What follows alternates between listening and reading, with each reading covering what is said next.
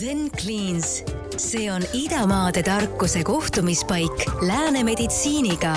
efektiivne ühepäevane organismi sügavpuhastav kuur, mille eest sinu keha sind tänab. Zen Cleansi tooted on sada protsenti taimsed, GMO vabad ning mida Eesti arstid toetavad. teadlikumad valikud, rohkem tervist ja parem elu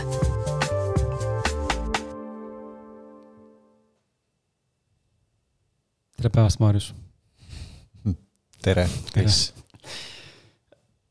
täna siis äh, tuleme uue saatega. ja, ja see saade mm, on äh, minu jaoks igal juhul kindlasti väga-väga põnev tulemas. Maarjusele meeldivad äh,, nagu mullegi, meile mõlemale meeldivad väga sellised äh, sügavad vestlused ja kui asi puudutab psühholoogiat või, või hüpnoosi või hüpnoteraapiat või teraapiat või nutmist, siis. Äh, või alateadvust. või alateadvust oh. mm. siis me oleme väga sina peal sellega, nii et äh, Maris, äh, tere tulemast podcast'i. aitäh, et mind kutsusid. ja, ja tundub, et ka sina oled ütleme siis tänasse, tänasesse saatesse suurepäraselt sobiv, sest et ka sulle pakuvad need teemad huvi ja sinuga eelnevalt vestelnud erinevatel teemadel, siis ma tean, et sa oled ka see, kes läheb teinekord äh, nagu minagi ja samuti nagu Maarjuski, väga süviti, väga sellest maailmast teinekord ka välja oma mõtlemiste asjadega, universumi ja muude asjade peale. täna me sellest võib-olla nii pikalt ei räägi, aga et äh, meile väga meeldib äh, filosofeerida ja juttu rääkida, aga tänane saade ei ole filosofeerimine ainult, me räägime tegelikult ka faktidest.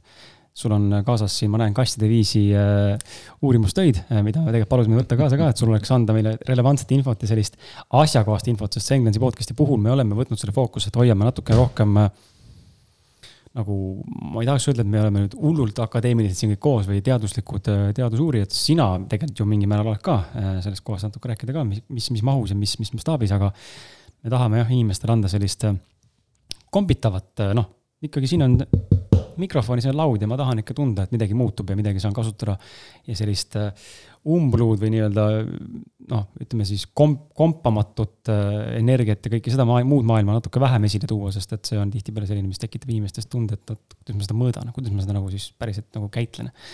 seega see on meie tänane fookus ja, ja ma panen selle väikse tutvustuse siia sisse äh, sinu kohta ja siis juba lähme edasi, et äh, tänane saatekülaline Maris Saar on siis hüpnotisööride koolitaja ning on lisaks ka Ameerika Hüpnotisööride Liidu liige Marise suurimaks tegevuseks, äh, vabandust, tugevuseks on tema võimekus tegevuseks, tugevuseks on tema võimekus tuua inimeses välja, tegelikult see on ka tegevus, tuua välja siis tema parimad küljed ja omadused.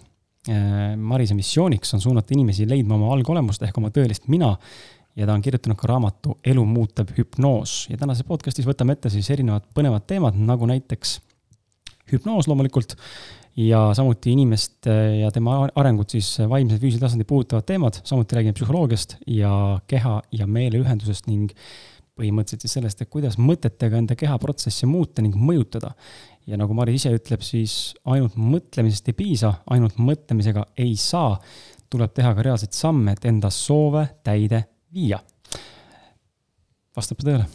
jaa aga räägi, äh, tuleme selle, tuleme korraks selle juurde tagasi äh, hästi spontaanselt siia selle teadusliku poole peale, mis sa arvad, miks on niimoodi, et inimesed tahavad saada seda? ütleme sellist äh, noh, mitte kõik ei taha, aga mingis mahus me ikkagi tahame saada mingeid fakte, mingit konkreetset, ma ei tea, arvu, konkreetset mingit uuringut, konkreetselt mingit teadust, akadeemilist poolt. et miks me seda tahame, kas, kas see on kuidagi ühiskondlikult sisse kodeeritud või me päriselt, meie aju mingi osa tahab saada sellist kinnitust või mingit hoomatavat? no seda saab mitmel viisil seda küsimust või vastust isegi lahata, alates sellest, et meil kõigil on aju ja selle aju sees on toimemehhanismid ja üks neist on kontroll. kõige lihtsam oma elus on üldse omada oma tegevuste üle kontrolli. järelikult kontroll tegelikult tekitab ka seda, et oota, et, et kui mul on mingid asjad, mida ma kontrollin, siis kuskilt need tulevad. ma hüppan korra tagasi inimese nii-öelda arengu juurde, et me tegelikult areneme ja õpime läbi selle, et me vaatleme teisi. et laps vanuses null kuni seitse õpib läbi selle, kuidas ta vaatab teisi inimesi ja, ja nii-öelda õpib sealt oma maailmavaadet kujundama ja seda ümberringi vaatama. mis tähendab seda, et tegelikult meil on kogu aeg ju võimalus äh, oma mõtteid, oma tegevusi suunata ühele või teisele poole.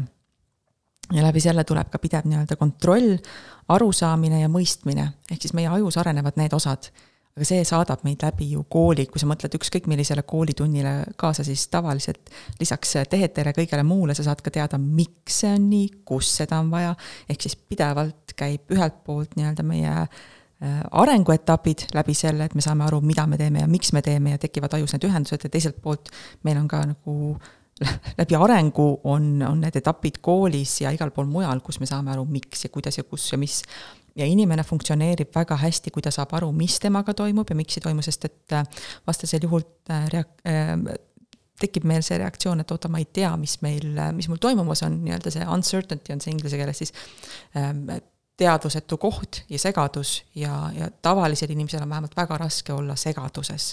sest inimene on harjunud kontrollima, kuidas, kus, mis tema elus käib. kui sa võtad selle kontrolli ära, tuleb hirm hirm on niisugune baasinstinkt, see on üsna primaarne, see on meil kõigil olemas, see töötab väga hästi. selleks, et seda hirmu ära lahendada, on meil vaja kontrollida. miks me tahame uurida, mis tuleb, kust tuleb, kuidas tuleb. et see on niisugune nagu lihtne seletus, no sellega võib alati süvitsi ka minna. kuidas sulle, Maarjas, tundus? ei, väga hea seletus, ma ei ole niimoodi, see on väga hea küsimus kõigepealt, Kris, aitäh selle küsimuse eest, et väga-väga kihvt küsimus ja mina ei olnud seda jah, niimoodi äh, hästi lahti seletatuna nagu kuulnudki. aga, aga kui see hirm, mul, mul siit tekib nagu järgmine küsimus, et kui see hirm teadmatuse ees või kontrolli ees nii-öelda yeah. esile tuleb yeah.. et siis tegelikult ju sellest, seda saab nagu öelda niimoodi nii-öelda mõnes mõttes äh, sinna teadmatusega harjutada min-, minemist, et, et ja mis mul tuli veel mõte, et, et kui naised on ju pigem nagu rohkem sellised, kes lähevad võib-olla kaasa selliste nii-öelda tundemeeltega kui mehed, et nende jaoks võib-olla see kontroll, noh, ma siin üldistan mm, -hmm. ei mhm. ole nagu nii tähtis kui meeste jaoks, et seal on siis ka mingisuguse ajukeemia vahe või kuskohast see vahe näiteks tuleb? Äh, aju ja kehakeemia vahe ähm oh jumal, naiste ja meeste erinevused no. teeme eraldi episoodi. see, see on jah täitsa eraldi episood, aga, aga võib-olla hästi lihtsalt öeldes ähm,. teen peas praegu struktuure, kuidas seda hästi lihtsalt välja öelda ähm,. me kõik oleme erinevate taustadega, erinevate vanematega, erinevate äh, üleskasvamise noh, normide ja, ja sellega. ja, ja see tähendab ka seda, et me tegelikult äh, läbi selle õpime, kuidas reageerida hirmule ja kontrollile erinevalt, ehk siis igaühe hirm on erineva mõõdikuga ja igaühe kontrollivajadus on erineva mõõdikuga mm -hmm. ja seda üldistada on väga raske, et vot sellel grupil, noh, tähendab, saab sarnaste üleskasvamistingimustega ja sarnaste vanemlike joontega vanematega saab üldistada mm -hmm. gruppe, saab ka vanuseklasse mingitesse gruppidesse jagada, sest et äh, tõenäoliselt ajaloosündmused on samad ja toidupuudus on kuskil olnud sama ja mingid asjad, mis on mõjutanud, on samad ehk siis grupeerida saab, aga tegelikult on igaüks individuaalne. Mm.. et äh, naised tõesti on emotsionaalsemad, meil on äh, hormoonid erinevad, meil on ka kasvatus erinev, vaatad naiste-meeste kasvatust, isa figuuri, ema figuuri, noh, need on juba erinevad, on ju, et äh, ema figuur justkui toidab last ja kasvatab last, et kõik see nagu mõjutab seda sul oli hästi täpne küsimus ka ja ma jõudsin selle ära unustada, et kui sa saad seda korrata, siis. ei, mul ei olnudki, ma, ma tegelikult viskasingi sellise nagu üleüldisema okay. küsimuse õhku, et, et ma lihtsalt mõtlesin selle, et, et kui see hirm tuleb, eks ju, et mm -hmm. nii-öelda, et ma tunnen, et mul nüüd kontroll läheb käest ära. nii. siis tulebki nii-öelda, kui see on nagu väga nii-öelda piirab minu elu, et ma ei julgegi üldse midagi muud mm -hmm. teha, või ma ei tea, et ma tean, ma olen kuulnud siin, et, et reisiärevused on, et mm -hmm. julgetegi minna, eks ju, võõrasse keskkonda isegi siis tulebki mängu ka hüpnoos, millega sina nagu tegeled?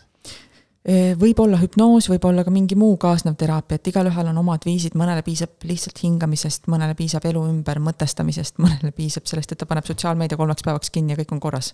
et, et ma ei saa öelda üheselt, et hüpnoos on noh, võti kõigile asjadele. mul on siin terve ports uuringuid, mis näitavad, et hüpnoos on väga hea kaasnev tehnika mida mm, -hmm. mida kasutada erinevate konditsioonide siis leevendamiseks.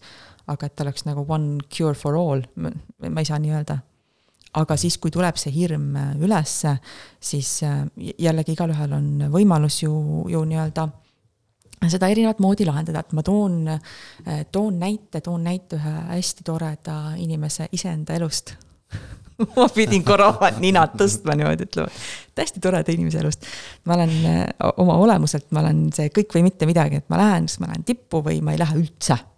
sest et. isegi ei hakka proovima? absoluutselt mitte, et kui ma näen, et noh, see ei ole mulle, ei, kõik. järgmine asi, läheme ja lähme tippu. võib-olla rahulikumalt vahepeal, aga ikkagi lähme. ja, ja mis tähendab ka seda, et need hirmul ei ole mitte mingit kohta. ta tuleb vahepeal ülesse, aga ma lihtsalt mõttega surun sellest üle, kõik, lähme. Pole mitte mingit probleemi ja, ja mida rohkem nii-öelda edasi areneda, siis seda rohkem ma näen, et, et kui palju mõjutavad äh, minidetailid inimeste elus, alates, nagu me räägime toitumisest, on ju, inimese mikrobioom, teine aju, absoluutselt mõjutab, et, et ma näen juba enda kehas vahet selle põhjal, et kui mul on liiga palju nagu lihtsaid ja kiireid süsivesikuid versus ma söön ikkagi endale nagu enda jaoks vajalikku toitu, mis minu jaoks on siis tavaliselt rohelist või punast või kollast värvi vahe on sees juba selles, kuidas ma ennast tunnen, alates sellest, kas ma olen väsinud või ma olen ergas. Äh, ja vahe tuleb ka välja selles, et, et mida rohkem ma näiteks äh, toitun ühtemoodi, seda rohkem ma endasse tõmbun. et, et see nagu mõjutab psühholoogiat ja, ja, ja täpselt samamoodi ma hakkasin endas jälgima, et mida rohkem on stressi, mida rohkem on nii-öelda suuremaks kasvamist, seda rohkem tekib äh, üles mul sotsiaalne ärevus. mul pole elu sees sellist asja olnud, ma pole elu sees inimesi kartnud tähendab, ma hea meelega nii-öelda võõrasse kohta sattudes olen seina ääres ja jälgin natuke aega inimesi, otsustan, kellega ma tahan rääkida, kes on tore ja siis natukene viin ennast sellesse meeleseisundisse, et ma lähen räägin temaga nüüd. aga, aga no seda, kardan inimesi pole kunagi olnud, aga see nüüd tekkis. niimoodi, et ma ei saa võõrasse kohta minna, sest mul tekib ärevus. ma ei taha isegi poodi minna. et see on niisugune nagu hästi huvitav äh, koht, kuidas Äh, stress, elumuutused ja, ja nii-öelda suuremaks kasvamise ees justkui hirm mõjutab psühholoogiat sellisel viisil, et tekivad inimesel hirmud, mida pole varem olnud. ja sellest on võimalik ka tegelikult ennast läbi viia, jällegi on see hüpnoosiseisund, on need mingid muud teraapiad, äh, mingid muud sammud, mida teha, et mul nüüd see hirm on tunduvalt väiksem.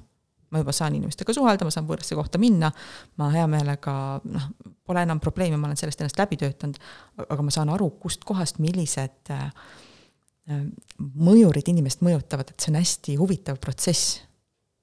aga, aga need hirmud tulevad üles, äh, need on ju, tavaliselt see hirm on ikkagi ju mingisugune mineviku kogemus, ehk et võib-olla need äh, erinevad pusletükid pole lihtsalt niimoodi enne asetanud, et see hirm mm -hmm. saaks nii-öelda avalduda üldse? Eh, see võib olla see ja võib olla ka see, et kuna noh, näiteks kui olla kellegagi kooselus, kellel on sarnased hirmud, aga ta ei näita neid välja, aga sa -hmm. alateadlikult loed ülesse ja võtad endale, et see võib olla Aha, ka näiteks sellest, on ju, jaa, et noh, me, me niikuinii saame hästi palju infot äh, ümberringi igalt poolt, kui palju me seda reaalselt läbi protsessime, see on nagu väga väike osa. aga kas see tõesti võib tulla ka täiskasvanu eas, kui, äh, kui noh, tegelikult ju on teada, et null, äh, sünnist kuni seitsmenda eluaastani on põhi, põhiline aeg, millal Just. see nii-öelda käst töötab, eks, et võtad hästi palju nii-öelda vanemate mustreid ja igalt poolt mujalt lasteaiast. Aga täiskasvanu east võib ka niimoodi täitsa muidugi. nagu tugevalt tullagi nii-öelda ja. ja mõjutada psühholoogiat. ja muidugi, et eriti seda olukorras, kus inimene on natukene nagu lahti-omelus, et, et milline suund siis täpselt, kuidas võtta ja kuidas selles ed-, edasi minna, et see on selline nii-öelda hästi avatud seisund ja selles me võtame ka avatuna kõiki teiste mustreid vastu, kes meie ümber on, kes mõjutavad, mistõttu tegelikult öeldakse ju hästi tihti seda, et noh, vali seda seltskonda, kes su ümber on ja nemad mõjutavad sinna.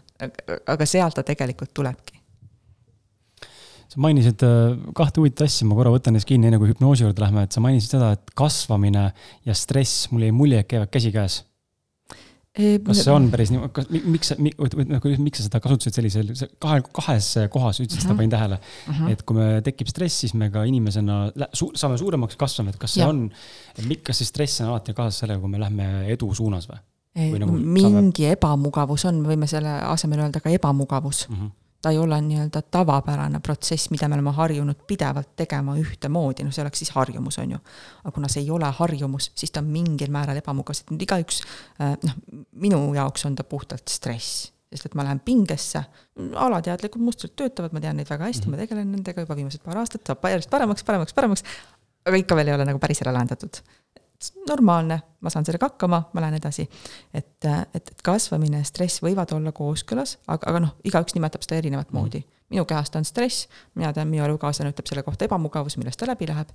noh, igalühel oma sõnad, oma tunne seal taga mm. -hmm.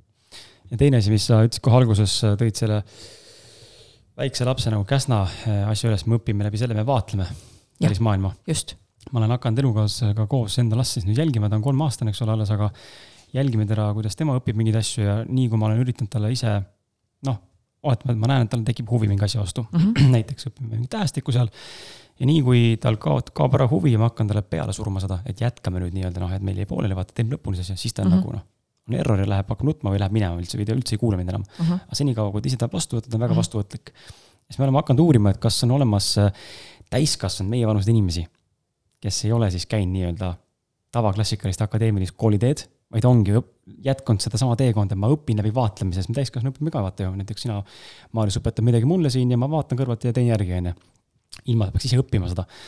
ja siis, äh, kusjuures on tohutu palju siukseid inimesi, retsilt on maailmas inimesi, pani mõtlema mind, et nagu vau wow, kes inimesed ütlevad, et pole mitte kunagi käinud ei ko- koolis, ei lasteaias, ei ülikoolis, aga mingid ülitargad ja üli, üliedukad inimesed, kes on, ongi ainult puhtalt selle pealt, et ta vaatles terve elu, mida ta kogu aeg tahtis teha, läks oma huvi järgi, tunnetas, onju, vanemad lasid tal minna, kuni Mhm. noh, ei pandud mitte kuskile sisse riiklikutesse asutustesse.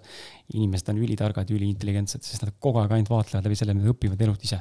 Ma läbi tahaks, nüüd ma tahaks seda pilti küll väga täiendada nagu konkreetse näitega, sest et seal peab olema ilmselgelt mingi huvi mm. -hmm. mingite asjade vastu, iseõppimine, fantastiline iseõppimise mm. -hmm. oskus, aga kust see tuleb, äkki see on õpitud nii-öelda vanematelt, on ju okei okay, vaatlemise mm -hmm. teel, aga noh, kas ta on kunagi päris vaatlemine versus see, et ta on kuskilt võtnud nii-öelda raamatutarkustest, pannud endale süsteemid tööle, et noh, ma, ma, ma tahaks nagu seda pilti täpsemaks mm -hmm. teha, et, et selle asemel öelda, et jah, jah, lapsed õpivad vaatlemise teel ja kolmestel kahest, kui kahesed ja pooleteisesed on veel ei faasis, siis kolmesed äh, oma, oma nii-öelda aju ja protsesside arengult on selles, et kus ta teeb nii kaua, kuni ta tahab. ja siis, kui ta enam tunneb, et, et ta ei jõua või ei, ei jaksa, siis ta ütlebki sulle ei, mis ei tähenda seda, et see on alati ei. aga lihtsalt see, et kuna sina hakkad endast natuke talle peale suruma, siis tal on automaatne error, et see on lihtsalt aju arengufaas. Aga väga Vot. huvitav on olnud jälgida seda, selles mõttes väga Jaa. huvitav, väga huvitav teema on see. oota, kuni sa jõuad nelja ja viieni see on veel põnevam Noh. lastepsühholoogia kohta on tegelikult omajagu äh, raamatuid ka. kui sa mulle pärast meelde tuletad, siis ma saan sulle ühe anda pärast. probleemid tekivad, ma toon sinu juurde lapse, see on lihtsam. kusjuures äh, lastele, selle jätkuks ma saan öelda, et laste psüühikat on natukene lihtsam mõjutada kui täiskasvanute oma. Ja lapsi on hästi lihtne julgustada, kui nad on sellises oma tegevusalas Mm -hmm. ehk siis, kui nad mängivad midagi või teevad midagi sellist, mis neile meeldib, et kui neile sellel ajal öelda, et ega keegi ei võta meist negatiivset sisestust vastu, me võtame ainult positiivse sõnastusega, ja-sõnastusega sisestused vastu. ja kui ta on mingi asjaga te-, töös või tegutsemas, siis tema nii-öelda see conscious äh, reacting ehk siis tema teadlik reageerimine ei tööta nii hästi. mis tähendab seda, et kui sa pidevalt midagi talle kuskil räägid või, või liht-, sosistad jah, või lihtsalt ütled mingeid asju, ta kuuleb, aga ta ei kuula Mm -hmm. mis tähendab seda, et mida rohkem seda kordad, seda rohkem see läheb tal tööle. töötab ka partneritega võib No testida, Läks põnevaks. jah. tegeled mingi asjaga, siis sa vaikselt niimoodi taustal, et aa jaa, sa oled enesekindel. sul läheb väga hästi, suurepärane, kõigega saad väga hästi hakkama. kui ta vaatab su poole, et no mis sa pobised siin siis nüüd. ei, ma niisama räägin iseendaga, et see on mu enda kõne. noh, võib, võib näiteks niimoodi ära päästa, on ju aga tema ikka samal ajal salvestab, et mina teen oma elukaaslase peal inimkatseid ja katse tulemused siiamaani on väga head. Väga põnev. Millal see inimprojekt läbi saab, siis kui ta on nelikümmend, viiskümmend, kuuskümmend on, siis saad näidata meile seda töö tulemust nii-öelda ta on juba paari kuuga, ta ise tunneb seda nii-öelda tulemust. mm. -hmm.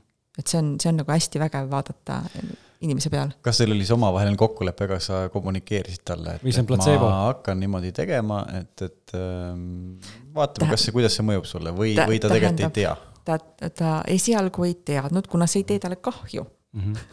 siis ta esialgu ei teadnud, ma üks hetk ütlesin, et muide, ma olen teinud selliseid, selliseid asju, kas sa oled märganud punkt üks, punkt kaks, punkt kolm, punkt neli? jaa. vaata, ma tegin nii, nii, nii, nii, nii, kas ma tohin seda jätkata? ma ei öelnud sulle sellepärast, et sa ei hakkaks pidevalt sellest kinni või ei hakkaks seda nagu kontrollima, vaid et sul tekiks mingi usaldus, et kui sa vahepeal näed, siis sa lased tal lihtsalt minna. Mm -hmm. ja, ja nii läks. väga huvitav, väga põnev väga põnev on okei okay,, lähme selle hüpnoosi juurde, põnev Nii. teema, põnev teema, endiselt palju segadust ja, ja ja, ja ma kujutan ette, et äh, nii nagu mõnegi muu teemaga väga palju, kas just väga palju, aga mingis mahus kindlasti vastuolu ja sellist vasta, vasta controversial, mis see eesti keeles on? Vastuolulist. vastuoluline ja minu meelest on seal hästi palju ka sellist müstilist. jah, sihuke nagu natuke esoteerika hõng on juures. et oh, hüpnoos, siis Jah. ma saan nagu panna inimese midagi tegema, mida ta ei tea, et ta Jah. teeb ja kõik mingit- midagi sellist nii-öelda müstilist tunda on sihukest nagu, sinna. spirituaalset hõngu. aga räägime korra sellest, okei. tuleme korra selle juurde, onju, et mis asi nii., räägi, miks sa oled valinud selle hüpnoosi või hüpnoterapeudi teekonna. okei, hüpno, räägime hüpnoosist, tuleme terapeudi juurde pärast tagasi, aga hüpnoosi kui tööriista kasutada just. ja, ja kuidas sa seda mõtestaksid enda jaoks, mis asi see sinu jaoks on? Mhm. ma hüppan korra tagasi eelmisesse vestlusesse ja ütlen, et see, mis ma teile rääkisin, see on tegelikult ka hüpnoos, alateadlik mõjutamine on hüpnoos. kui me räägime hüpnoosist kui klassikalisest protsessist, siis sellel on olemas algus, keskosa ja lõpp, täiesti tavaline tehnika hüpnoos on tehnika, see, mis ma enne teen sellega vestlusega ja mis ma pärast teen ja mis harjutused annan, see on lihtsalt nõustamine juba. Kes teeb sinna veel midagi muud, see on midagi muud. aga hüpnoos on niisugune konkreetne lihtne tehnika, sellel on sissejuhatus, keskosa, kus toimub protsess ja inimese väljatoomine. see on hüpnoosi tehnika. seda on kasutatud aastast, jumal teab, esimesed ülesmärkimised hüpnoosist on aastast kaks tuhat enne Kristust Egiptuse püramiidides aga, aga reaalselt nii-öelda arstimaailmast esimesed hüpnoosiga seotud artiklid ja teadustööd on aastast tuhat üheksasada viiskümmend seitse. Ameerikas ja Suurbritannias, kus ta on siis Arstide Liidu poolt kinnitatud kaasnev teraapialiik, mis on, mida maksab ka siis nii-öelda Ameerika kindlustus kinni. noh, mis on siis need tervisepakettides sees, psühhiaatrid suunavad hüpnotisööride juurde, hüpnotisöörid suunavad kuskile mujale, et see on ametlikus terviseplaanis sees mm. Ameerikas ja Suurbritannias aga mitte meil Eestis. mitte meil Eestis, Ameerikas sa saad seda ka hüpp-, õppida erinevates ülikoolides, just vaatasin täna hommikul Harvardi eh, programmi, kus on hüpnoos ka sees mm.. just Päris täpselt põnev. nii. ja meie Poleks siin veel räägime uhust, on ju. no absoluutselt, aga võtan, sõnad tagasi, lähen ära, jätkad üksinda, Maris. aga mis siis, mis värk see on, miks Eestis ei, ei kasutata seda? Eh, me peame võib-olla natukene tagasi jõudma selleni, et meil on maailmas toredad hüpnotisöörid, kes on teinud tööd selleks, et oleks ka meil teised kaasnevad teraapiad. ja, ja tõenäoliselt on omajagu ajalugu siin, kus on vastamisi läinud nii arstid kui hüpnotisöörid, klassikaline meditsiin versus noh, alternatiivmeditsiin et, et see vastuseis on kogu aeg olnud, on siis seal üks, üks nii-öelda instants, mis on vahel või teine, ma ei taha sinna ajalukku minna, sest et kõige üle võib vaielda, võib öelda, et see oli nii või sa ei saa päris seda naa võtta. noh, selle üle ei ole mõtet vaielda, aga mulle lihtsalt tundub, et Euroopas ei ole olnud kedagi, kes tahaks seda läbi suruda. ja Euroopa inimene tõenäoliselt on natukene rohkem kontrolliv, vaos hoitud. kalkuleeriv eh, ja vaoshoitud jah, jah, just täpselt. ma just äh, rääkisin, äkki see oli mingi kaks-kolm nädalat tagasi, Hypno Summit, see on maailma kõige suurem hüpnotisööride, kuidas ma ütlen siis, konverents. kakskümmend viis tuhat kuulajat oli seal, osalejat, kakskümmend viis tuhat hüpnotisööri üle maailma. ja, ja esinejaid oli paarkümmend, mina olin üks nendest ja oli nii vahva rääkida erinevate terapeutidega ja vaadata seda, et väga suur osa neist, kes tuleb Ameerikast, nende mindset on natuke, nende nagu meelelaad on natukene teistsugune kui need, kes on pärit just siit nii-öelda Euroopa riikidest, mistõttu mina ütlesin ka, et, et ma olen Euroopast, ma olen Eestist, ma olen kalkuleeriv, ma olen analüütiline ja ma räägin ka sellisest kliendist. et ma ei saa rääkida, et, et see on nii ja inimene lihtsalt läheb transsi, kuna Euroopa inimese puhul see ei tööta nii lihtsalt. ehk siis sa tahad öelda seda, et eh, kui, kui hüpnoos kui tööriist on õpetatav kõigile ühtemoodi, siis ta mõjub ameeriklasele ühtemoodi, eestlasele teistmoodi. Äh, jah, ja eks sa pead natukene võtma arvesse ka kultuurilist äh, tausta, on ju Mhm. -hmm. et hüpnoosi me õpetame osadena sarnaselt, aga sisu ja harud, mis seal on, väga lihtsa näited on, üks on nii-öelda visuaalne osa, mida kasutatakse keskel, kas siis ähm, a la visuaalina mingi asja ettekujutamist, mis on inimesega siis mineviku või tunnetega seotud. Ähm,, on, on üks variant, on ju, üks variant on mingi minevikusündmuse üles äh, selle ära muutmine. Toimib mõnel inimesel, mõnel inimesel pole absoluutselt seda võimalik teha. üks osa näiteks hüpnoosi sisust on osade teraapia, kus kõneletakse otse selle osaga, mis tunneb mingit tunnet, et seal on erinevad äh, teraapia osad sees, kuidas seda parasjagu tehakse ja see, kuidas seda mingi inimese peal teha või millisele inimesele see mõjub, selgub alles siis, kui terapeut hakkab selle inimesega rääkima, testib, uurib neid küsimusi ja hakkab seanssi tegema, seda hüpnoosiseanssi siis. tundub päris põnev. aga mm, ma saan aru, et näiteks edukas äh, hüpnotisöör Ameerikas, kes töötab sealsete inimestega, võib-olla seal on veel osariikidena mingisuguseid mm -hmm. erisusi, eks ju, sest et noh, tõenäoliselt kuskil põhjaosariigis on täitsa teistsugust elu elavad inimesed kui lõunaosariigis, et Jaa. et kui tema tuleb Euroopast, ei pruugi üldse siin nagu nii edukas olla, sest et ta peab kõigepealt õppima nii-öelda seda inimest siin tundma mm, -hmm. kuidas sinna ligi saada. kui ta just ei lähe sellesama mindset'iga, et, et ma olen see vägev terapeut vot sealt ja sealt ja vot nüüd ma näitan teile nii. ja inimesed lihtsalt usuvad. et see on see ka on ju ka samamoodi variant. hüpnoos, just, see on muidugi see on hüpnoos, see on inimeste mõjutamine, müügimehed mm -hmm. teevad kogu aeg teile nii. jah. aga mis, aga, aga, vihjasid meile aga ma mõtlen seda, et, et aga, aga millised need omadused on, mis eh, heal hüpnotisööril olema peavad? et noh, kindlasti on seal ka kakskümmend viis tuhat hüpnotisööri on koos Mm -hmm. Noh, vaevalt, et nad kõik nüüd Erinevad on. ei, ei noh, nii head on, et, et kõik kliendid ütlevad, ma ükskõik kuhu lähen, et, et kõik see mõjub mulle, et millised need omadused, inim-, inimlikud omadused või, või, või või, või kuidas sa neid omadusi välja tooksid, mis heal hüpnotisööril olema peaksid? oo, see on ülihea küsimus hmm.. Ma pean, ma, vaata peeglisse, sa oled ju väga hea hüpnotisöör. ei ma ise usun, et ma olen väga hea hüpnotisöör jaa, aga ma usun, et on ka neid, kes on teistel aladel väga head. et igalühel on ka omad nišid, kus nad on väga-väga head, kus neil on kas siis kogemus hästi-hästi suur mingi teatud kindla inimrühmaga või, või mingi kindla teemaga. et äh, nad on lihtsalt saanud selles osas praktikat. mis teeb neist hea, ma alustaks sellest, et üks, üks on see, et hüpnotisöör teab, et ta ei ole jumal. tema ei otsusta oma kliendi üle ja tema ei ütle talle ette, mis klient peab tegema ma arvan, et see on see kõige-kõige tähtsam. et äh, inimene ikkagi on isiksus ise, tema ise otsustab, mida ta teeb, kuidas ta teeb, kas ta teeb ja mitte kellelgi ei ole tegelikult õigust seda ette kirjutada. noh, seaduste nagu järgimise mõttes mm -hmm. ära tapa ligimest on ju, oleks tore aga, aga kõik muu on, on ikkagi nagu ise otsustatav. Ja, sealt juba on äh, hästi avar nagu vaatamine ja kuulamine ja, ja mitte hukkamõistmine et see on, ma arvan, meil äh, võib-olla kas vanematelt tulnud, ühiskonnalt, kuskilt mujalt, noh, vahet pole, kustkohast parasjagu on tulnud, aga arvustamine on nii tavaline. mina arvan sellest, vot see naaber tegi nii või vot see inimene tegi nii või see teine terapeut tegi nii. See on nii tavaline taktika ja, ja samamoodi on tegelikult ka terapeudi vastas, tavaliselt klient ja terapeudi peas käib sisemine dialoog, kus ta tavaliselt natukene arvustab, kahjuks nii on, see on inim, inimlik osa et, et kui suudab terapeut juba selle välja lülitada, et ta ei arvusta, vaid ta võtab inimest nii, nagu on. ei hakka kohe nõu andma, vaid kuulab. siis see on ka hea terapeut.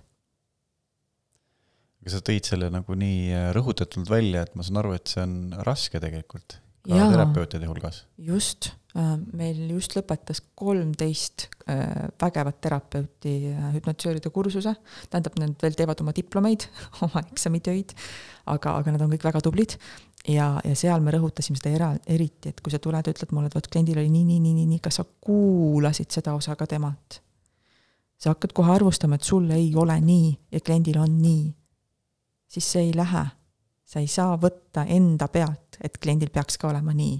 sa pead proovima maksimaalselt panna, panna ennast tema kingadesse niimoodi, et sa ei arvusta, vaid et sa lihtsalt kuulad ja aktsepteerid inimest nii, nagu ta on ja raske on see ilmselt sellepärast, et, et me oleme ju tegelikult kuni siis ütleme, teraapiaõppeni harjunud enda järgi ju kõike maailma nii-öelda hindama, kas see on hea või halb, just.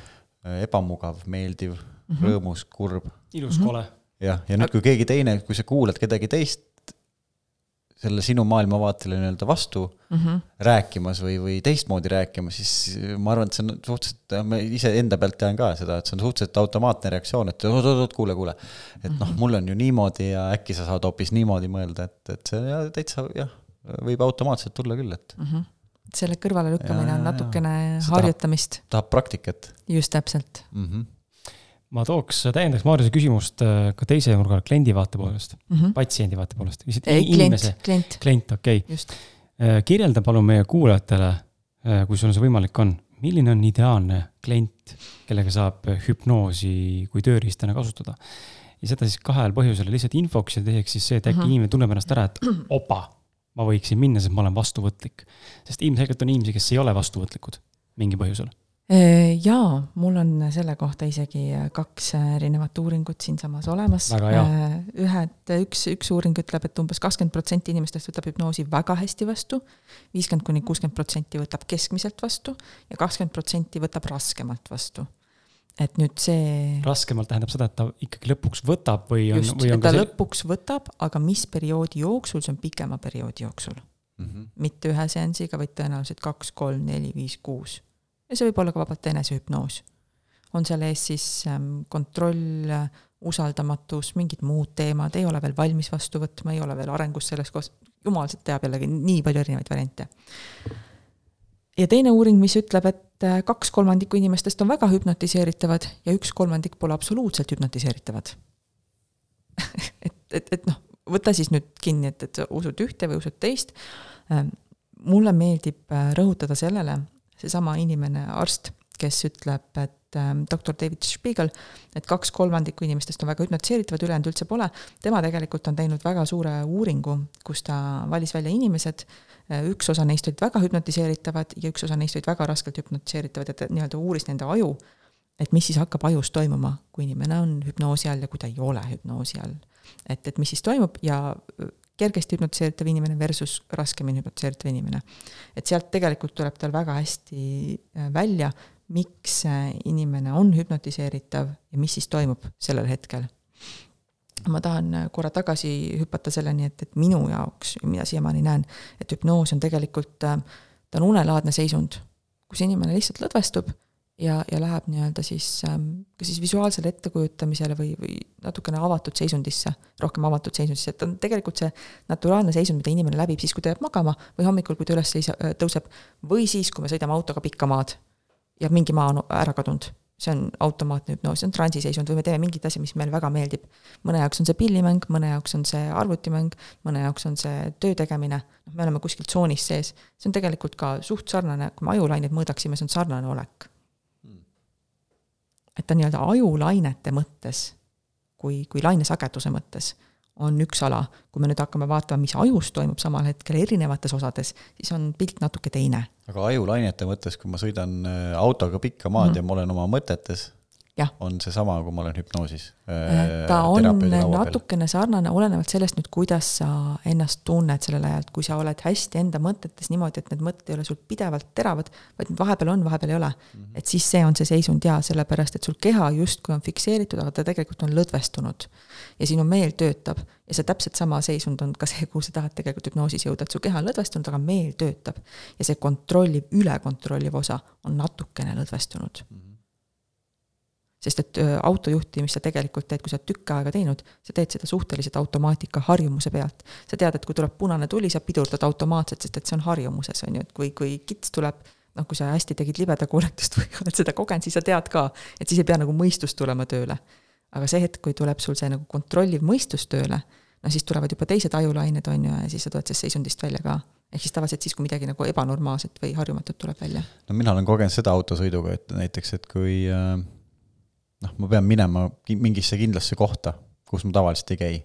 aga ma satun tee peale, kus ma tavaliselt sõidan näiteks koju, siis ma olen näiteks kogemata koju sõitnud, sest mm -hmm. mul noh, ma yeah. oh, ma pidin hoopis mujale minema, siis on midagi sarnast, eks, et ma just, täpselt. automaatpiloodi peale. just, täpselt mm. -hmm kas see tähendab seda, kui võtame seda autorooli näite, et sa noh, näiteks Tallinn-Tartu maanteel, eks ole, tekibki mm -hmm. mul väga tihti tunni aja sõidu jooksul tekib niisugune tunne, et ma vist olen kuskil ära täitsa, on ju. Mhm. eriti ma kuulan mingit audiobook'i või mingit asja juurde veel, on ju, siis on totaalselt kadunud vend. Äh, ma ei ole kusjuures sinu soovitust ära teinud veel endale, endale salvestanud seda asja, sest et ma ei suutnud teha seda. ma proovisin, see tuli nii imal ma ei suutnud endaga rääkida sellisel viisil, et see oleks nagu okei okay., ma ei osanud midagi öelda endale sinna audiofaili, mis sa mulle tookord soovitasid, kohe saab -huh. rääkida, mis praktikas oli. ma ei aga ma tahan ära teha, aga ma ei suutnud seda valmis koostada endale, ma -huh. tundsin, mul ei tulnud sõnu välja. ühesõnaga, siis ma kuulan ühte audio, muud audiobook'i.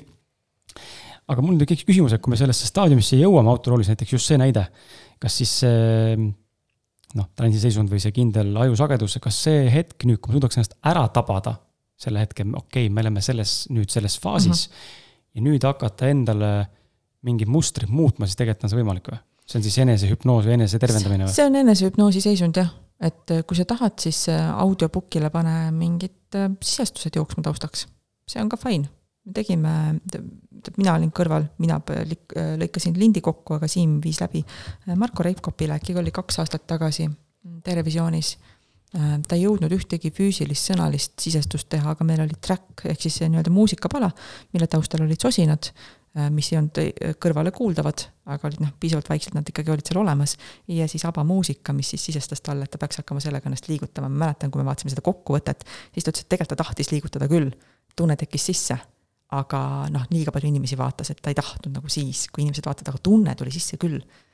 Et ta suutis nagu mõistusega selle ära nullida, aga tunne tekkis ikka sisse läbi selle, et meil olid lihtsalt need sosistused, ta ei jõudnud seda sisestust teha. mis tähendab seda, et kõik sosistused, mis sul jooksevad taustal, tegelikult töötavad, sa oled äärmiselt vastuvõttev selles seisundis. siis noh, laienenud teadvuse tasandil hüpnoosiseisund, mingi, millegi meeldiva naudingu tegemise seisund, kuidas me seda nimetame? aga räägi, aga. kuule, aga mul, mul siin läks kohe vandenõuteooriate nii-öelda rajale kohe Jaa, mõte, et, et Ma ootan meil seda on küsimust ammu juba. ju massimeedia. sisestab kogu aeg meile. jah, muidugi, nii. aga sa saad seda kontrollida, palju sa vastu võtad ja palju ei võta. palju ma vaatan seda, sest et kui on Just. sosinad, mida ma tegelikult tähele ei pane, siis ma ei saa ju kontrollida seda. Mm, ja, ja see minu teada Euroopa õigusruumis on veel reguleerimata. Ameerikas see on juba reguleeritud, tohi teha niimoodi just. mm. -hmm.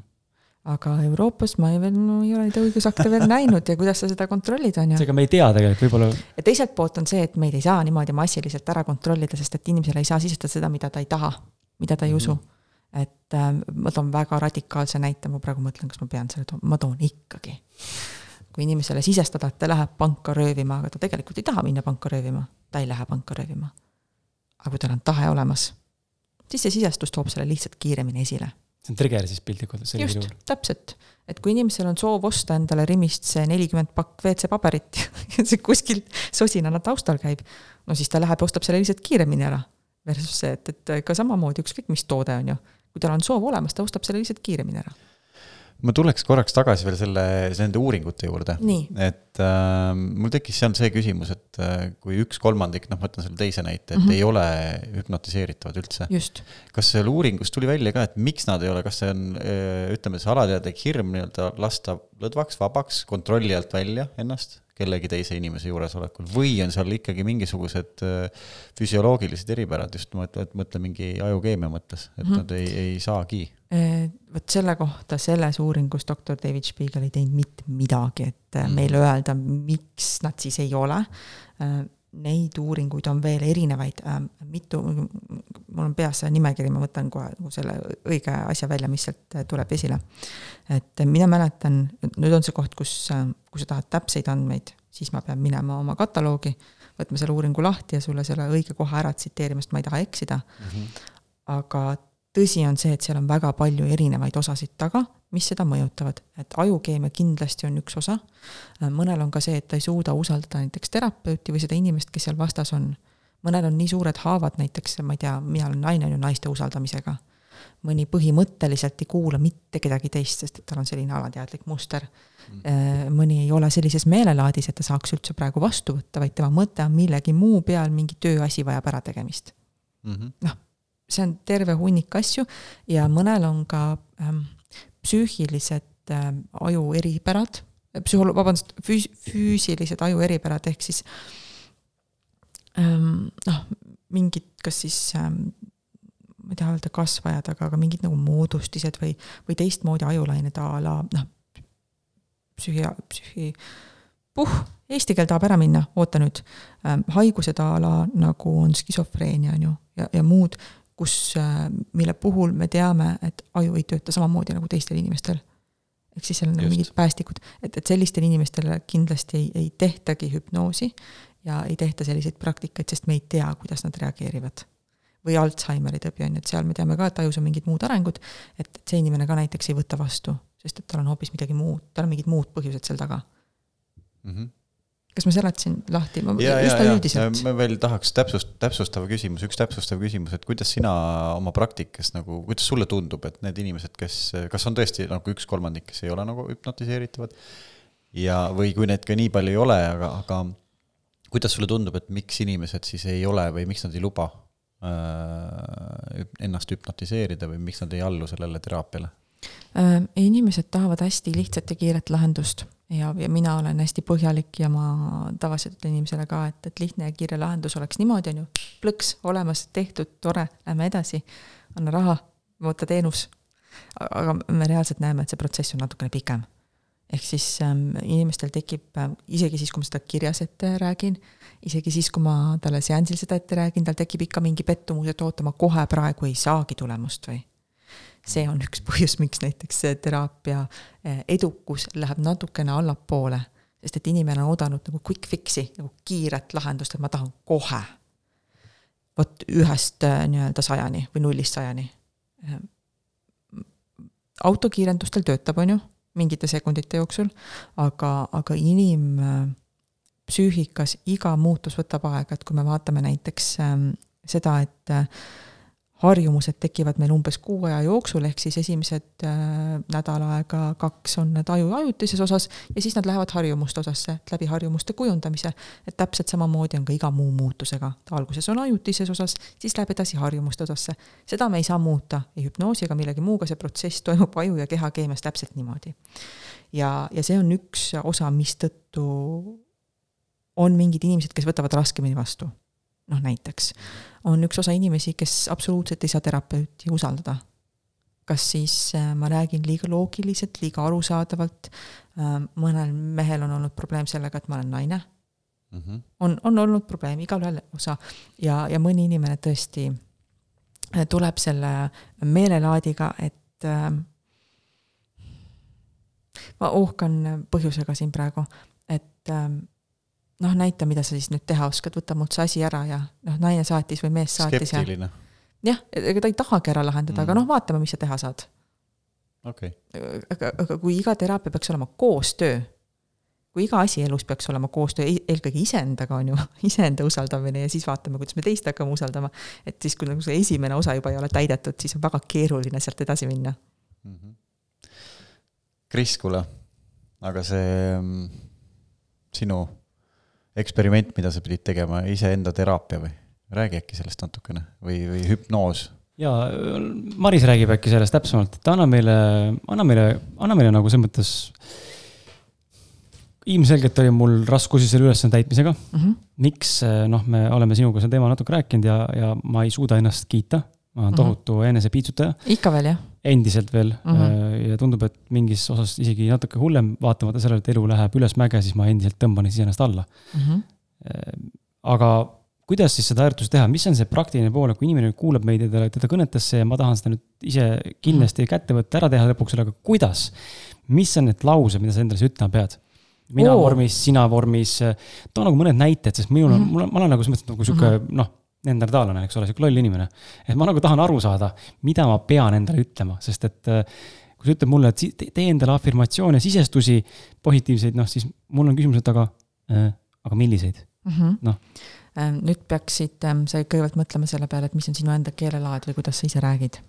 et ma olen sind. brutaalne, otse, ausalt, filtrita, natukene rõve. noh, siis sa võid öelda, et ma olen fucking hea okei okay, see juba kõnetab no, ah, no, mitte see, et sa oled tubli, Kris see ei ole see. no siis pane sa oma. fucking ka end. vot see on no, see, kõnetab. palun, nii. Äh, mul on oma kogemust jagada, ma olen ka püüdnud neid asju teha ja, ja, ja ka täiesti, äh, kui ma esimest korda nii-öelda hakkasin ka tegema, ütlesin midagi endale, onju, siis tundus nii imelik, eks ju. aga, aga see, kes mind õpetas, ütles ka, et aga ütle või ütle nii kaua seda lauset, kuni sul hakkab sees hea. ükskõik mis, mis sõnadega või sa tunned, et voh, voh ja, ja siis, siis see asi hakkab nagu, nagu, nagu tööle paremini mm. -hmm. et, et aga mul hullult imponeerib see, et ma saan tegelikult ka nagu selle salvestada, ma ei ole selle pealt tulnud panna autos käima lihtsalt, ma ei pea kogu aeg mm -hmm. ütlema seda hommikuti mm, -hmm. aga jätkake. eriti hea mõte on see, kui see on sinu enda sõnastus, on ju, et kordamine on alati hea, et üks hetk, kui sa kolmkümmend päeva seda järjest kordad ja pärast edasi ka kordad, ta hakkab sulle mõjuma, nii ehk nii. aga ta mõjub kiiremini kui see on sinu enda sõnastus, ähm, sinu enda tunne seal taga on, sest et äh, kõik sõnad võivad olla ainult sõnad, kuni me neile tunde taha paneme. aga kas see on mina või sina formaadis? Pole vahet. aga mis siis öelda seal, noh, sa tõid näite, et oled fucking hea, okei okay., mis veel? mis, mis sul veel paremaks on vaja teha? kuidas sa, kuidas, kui sa kiidaksid äh, kedagi, kes oleks samasugune nagu sina, aga poleks sina, siis kuidas sa teda kiidaksid? hetkel on äh, tühjus, ei tea, mida, mida siia öelda ei kiidakski. no, no mis sa tahad, mis sa tahad oma elus paremaks teha? välimus näiteks seda saab ju füüsiliselt Okei. ka teha, mis Okei. selle jaoks no hakkad mi- tegema mis, mis, no või Nii. näide, no mis näiteks, mis sa, no äh, kuidas sa ütleksid, et, et ma olen enesekindel, kuidas sinu jaoks enesekindlus ei, ma olen enesekindel, see ei ole küsimuski. seda ma tean, see ei ole, okei, see ei ole nii, aga teema, milles siis probleem on? ma ei tea, mingis muus teemas võib-olla. see, see, ta fucking kõva vend on ju, seda me teame, nii, nii, no väga hea, seda saad juba kasutada. kus veel on, mida sa veel tahad vastu võtta elus? raha või? raha näiteks, Noh. on ju, materiaalset heaolu, nii, valikuvabadust. nii, väga hea, need on sinu sõnad. võtad needsamad ja sõnad ja paned ette, et sa oled aga. fucking rikas või? see ei kõla usutavalt. ei no kui see rikas ei ole, siis see, mis võtan vastu. kuidas, sa just ütlesid kuidagi jube hästi, ma suutsin selle ära unustada, ma pole praegu te- terapeudi režiimis ka ma kirjutanud üles endale. materiaalne heaolu vist. materiaalne heaolu jah sõna. ja., valikuvabadus. mul on, okei okay,, mul on blablabla bla, bla, bla, otse nii-öelda. jah, näiteks. mul tekitaski segadus seesama asi, et kuidas siis neid lause moodustada, millises vormis, kas sina, mina, eks ole, ja mida ma siis ütlen ma, endale. ma toon, toon kaks näidet, üks on see, mis ma endale ise ütlen näiteks peegli ees ja teine on see, mis ma lapsele ütlen näiteks mm. -hmm. et kui mu laps jääb magama, siis ma, noh, minu lapse eripärad, ta on tubli, vahepeal on jänes. aga ta on tubli, et, et sul on normaalne pingutada. sa tunned, et pingutamine on täpselt sama normaalne nagu arvutimängude mängimine. Pingutamine on tavaline koolis, see on täiesti tavaline nagu hingamine, nagu arvutimängude mängimine ja sa naudid seda, see tekitab sisse hea tunde sul tuleb hea tunne, kui sa pingutad. see on mõnus ja sa tead, et sinu ema ja isa armastavad sind. sa oled kogu aeg armastatud ja hoitud, sul on väga hea olla ja pingutamine on täpselt sama hea tunne. ja niimoodi ma ütlen lapsele, kui ta jääb magama. Paitan pead ja ta võtab selle vastu, kuna mul on seal tunne sees, see on minu enda sõnastus, mina räägin temaga pidevalt niimoodi, ma räägin temaga ka pingutamisest, ehk siis see on kõik talle omane sõnastus ähm,, kuidas ma iseendale ütlen. on ja see on niisugune keeruline sõnalugu, sellepärast et mul on ka mingid sõnad, mis mulle mõjuvad. et, et a la ma toon näite, ma olen naisterahvas, et minu jaoks see sõna, et sa oled ilus, on tuge-, tunduvalt tugevama kaaluga, kui sa oled kaunis. selle viskame prügikasti, ei, mis kaunis. Need on teise klassi inimesed, aga ilus, vot, see on midagi muud, mistõttu mina pean endale peeglist ütlema, et Maris, sa oled ilus sa oled ilus, sa oled enesekindel ja sa saad oma unistused täita, sa tegeled sellega juba täna, sa tegeled homme, sa tegelesid eile ja sa lähed julgelt. sa oled ise, sa oled nii, nagu sina oled ise. ja sa teed kõike nii, nagu sa tahad, see ongi väga hea ja, ja on näha, et see mõjub sulle mm. mm. -hmm. -hmm. sa oled ise hästi, jah jah, mm -hmm. aga, aga ma olengi ise ja ma, ja ma ütlen seda endale ka juba viimased kaks-kolm kuud vähemalt. et, et see on see mõte, mis aga terapeutidele peeglisse, vaadates siis. ma ütlen peeglisse jube vaadates, ausalt, jube Ei. ebamugav. tee palun kaks kuud järjest, täitsa vastik kohe. läheb mõnusaks. mul tekib nagu sihuke nagu, kui ma kunagi lugesin neid lauseid ka nagu nendes Ameerika kirjanike poolt on need suured Mhm. mõtlejad onju, et ütle endale peeglisse vaadates, et sa oled see, sa oled nii, mul tekib sihuke nagu, esimesed vaat ma ei kaks ütle seda, sest et see on vastik isegi natukene. ja nii nüüd, nüüd ma ütlen sulle, et aga sa pead, esimesed kaks nädalat sa pead endale nii ütlema ja sellest ebamugavusest läbi minema mm. -hmm, see oli see ebamugavus, millest me rääkisime. võid nutta ka, see pead tekitab suuremat rotsi ma tean, sellepärast ma ütlengi nii. aga ei suuda. aga tead, aga tead, mis on veel mulle, sa ütlesid, et sa tahaks välimust muuta jah ja., näiteks eh, tugevamaks saada või, või, või leppida selle Mhm. sellisena, noh, armastada sellisena ennast, nagu sa oled nagu välimuselt. väga hea teraapia, võta naine ja sina ise lähete peegli ette, sina võtad ennast täiesti alasti ja naine on riides ja siis te lihtsalt seisate seal ja naine vaatab sind no niimoodi. see on tavaline. see, on, see on lihtne ma olen kodus aeg alasti. on lihtne aga tema, aga seisategi niimoodi ja vaatate peeglist ja vaatab. niimoodi ei ole proovinud, aga see, et ta mind alasti teeb, tema riides on, see on täitsa normaalne. aga sa oled nagu kohal, et ta vaatab sind. jah, seda ma, ei, see on, see on okei okay., see see ei okei. tekita üldse mugavust, see on jumala fine on. jaa, siis on kehaga nii-öelda kõik korras mm. -hmm. et teine variant on see, et, et kui on raske esialgu endale öelda peeglisse, võta seesama lindistajad ära ja pane endale taustaks jooksma esimesed kaks-kolm nädalat. ja siis võta see peegel ette, et ma ei saa sulle, nagu, nagu ma näen, ma ei saa sulle öelda, et sa pead. Mhm. aga ma võin sulle lubada, et kui sa proovid, Kris, kui sa proovid, siis tulemus tuleb. tean, kaklesin iseendaga, tahtsin peegli puruks visata esimesel kahel päeval. kui endale peeglist ütlesin, kolmandal päeval oli juba enam-vähem, neljandal päeval peaaegu uskusin ja viiendal päeval mõtlesin, et kurat, kõik teised saavad hakkama, oota, oota, oota, ma proovin, mis mõttes teised saavad hakkama, ma ei saa, ei, pean saama ai, ai, ai, ma ei tea. okei, keeruline on lõvi okay. olla, ma ütlen sulle. on, on. okei, okei, lähme edasi. on ju, ma teen selle teksti valmis ja siis sa vaatad üle ja ütled mulle, et jaa, see on väga hea. niimoodi minegi edasi. ei, ma parandan raudselt Parandab, paremaks okay., muidugi. okei okay., lähme edasi sellega hüpnoosiga, on ju. Ehm, ma tahtsin küsida seda ka, et äh, korra vaatan, kas ma võtan, äh, okei okay,, me rääkisime tegelikult korra ka sellest, et hüpnoosist kui platseebost. nii.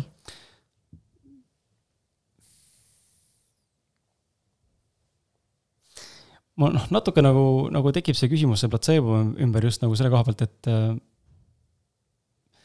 noh, see, see elukaaslase näide, on ju, kui ta nüüd nagu teab, kas seal nüüd on siis platseebo efekt juures või? lisaks sellele algsele toimele. et sa sisestad talle mingeid asju nüüd aga kuidas ma seda mõõdan, kas ma tal on, et seda, seda ei saa nagu mõõta, uuringuid on tehtud, äh, platseeboga, siin on terve hunnik neid uuringuid, mis on seotud kas hüpnoos versus platseebo grupp. ja hüpnoosigrupil on olnud tugevamad tulemused kui platseebo grupil. ja ma, ma peast jään sulle võlgu, kuidas see platseebo täpselt välja nägi, sest et neid oli siin mitu tükki. aga, aga kui tehti näiteks, siin oli üks äh, see äh, mikrobiomi uuring Äh, platseebo grupp sai mittehüpnoosi ja sai teatud, mis iganes nad neile andsid, manustasid sisemiselt, ja teine sai hüpnoosi pluss seda sisemist manustamist ja need, kes said hüpnoosi, nende nii-öelda tulemused olid siis ähm, ärevus oli tunduvalt väiksem, mikrobioom mingites osades paranes tunduvalt paremini ja ärevus, depressioon vähenes ja well-being mood ehk siis heaolutunne suurenes. ehk siis ähm, noh nad teadsid, et nendega tehakse hüpnoosi mm. -hmm. teistel ei tehtud, et, et mis me siis ütleme, et äh, teistel ei tehtud, sellepärast neil oli kehvem. ilmselgelt ei ole ju noh, kui ta on USA-s ja Inglismaal nii-öelda ta on ülikoolide õppekavas. Äh, tasust või nii-öelda kinni makstud nii-öelda ravivõimalus, et siis noh, ta, seal on kindlasti väga tugevad teaduslikud uuringud taga, et see töötab mm -hmm. paremini kui platseebo ja,.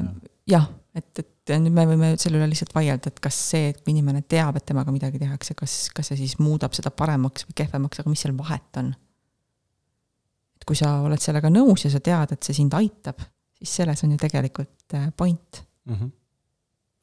et võib-olla ei peagi kõike miks'i teadma. ja, ja mul tuleb lihtsalt meelde, ma nüüd ei oska jah täpselt välja tuua neid, seda uuringut, aga raamatus Väli jälle, mis minule, mind on väga nagu palju nagu mõjutanud ja, ja avanud nagu silmi oli üks uuring, kus äh, mingid äh, haiged, väga raskelt haiged, inimesed, noh, mingi grupp valiti ja poolte poolt, tähendab poolte eest siis nii-öelda palvetati, saadeti head energiat mm, -hmm. ilma et sellest, sealt grupist üldse keegi oleks teadnud, et nendega keegi tegeleb.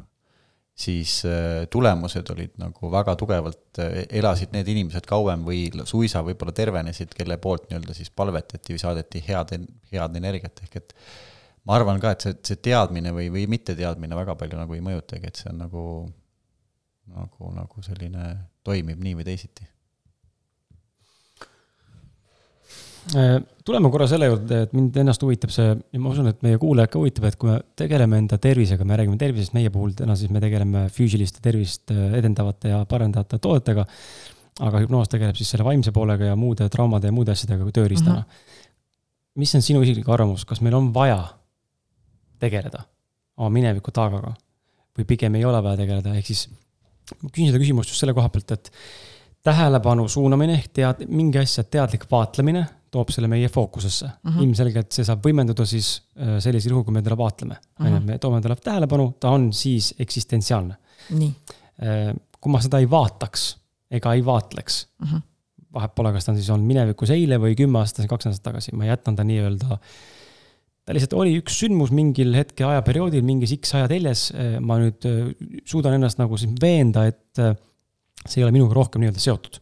kõik see on mhm. minevik, ma olen täna siin, mind minevik ei huvita. Kas on vaja tegeleda ilmtingimata siis nende asjadega, mis minevikus ikkagi traumad on tekitanud meil täna, millega me tegelikult täna siis nii-öelda piltlikult öeldes elame, on ju, selle järellainena. või ei ole vaja te nendega tegeleda, sest et mulle tundub natukene, et kui me nendele tähelepanu ei pööraks igapäevaselt, sest enamik inimesed oma traumadele asjadele tegelikult igapäevaselt me pöörame tähelepanu sellele alateadlikult, teadlikult. et kui me ei pööraks nendele tähelepanu ja need ei saaks trigerdatud enda või ühiskonna poolt, siis neid ju ei eksisteeriks. hästi huvitav äh, mõttekäik. Äh, ma tahaks täpsustada seda kohta, et minu arust inimesed ei tegele alateadlikult iga päev oma traumadega no selles mõttes. Neid on lihtsalt far too much selles mõttes okei okay,, tegelevad teadlikult, okei okay,, jätame aladega kõrvale, teadlikult tegelevad, aga alateadlikult saavad trigerdatud. Ähm, e, jaa, äh, eks ähm, selles äh, fantastilises asjas, mis meil peas ja kehas on, ega me kunagi ei tea, mis asi mida trigerdab või mis millega seotud on. me võime aimata ja üldjoontes teada, aga me reaalselt ei tea. Kas seda traumat on vaja alati üles tuua, ma olen täiesti seisukohal, et ei ole vaja. sealsamas Ameerika, mis Ameerika, hüpnosummitil Äh, rääkisin maailma juhtivate traumatöö spetsialistidega, kes on, äh, mõni on psühholoog, mõni on psühhiaater, aga nad on kõik ka õppinud hüpnoosi. ja, ja nemad kõik, need oli mitu, mitu inimest, oma ala tipud, tõesti hinnatud tipud, ja, ja nende arvamus oli üks, et me ei pea selleks, et mingit asja lahendada, me ei pea seda üles tooma.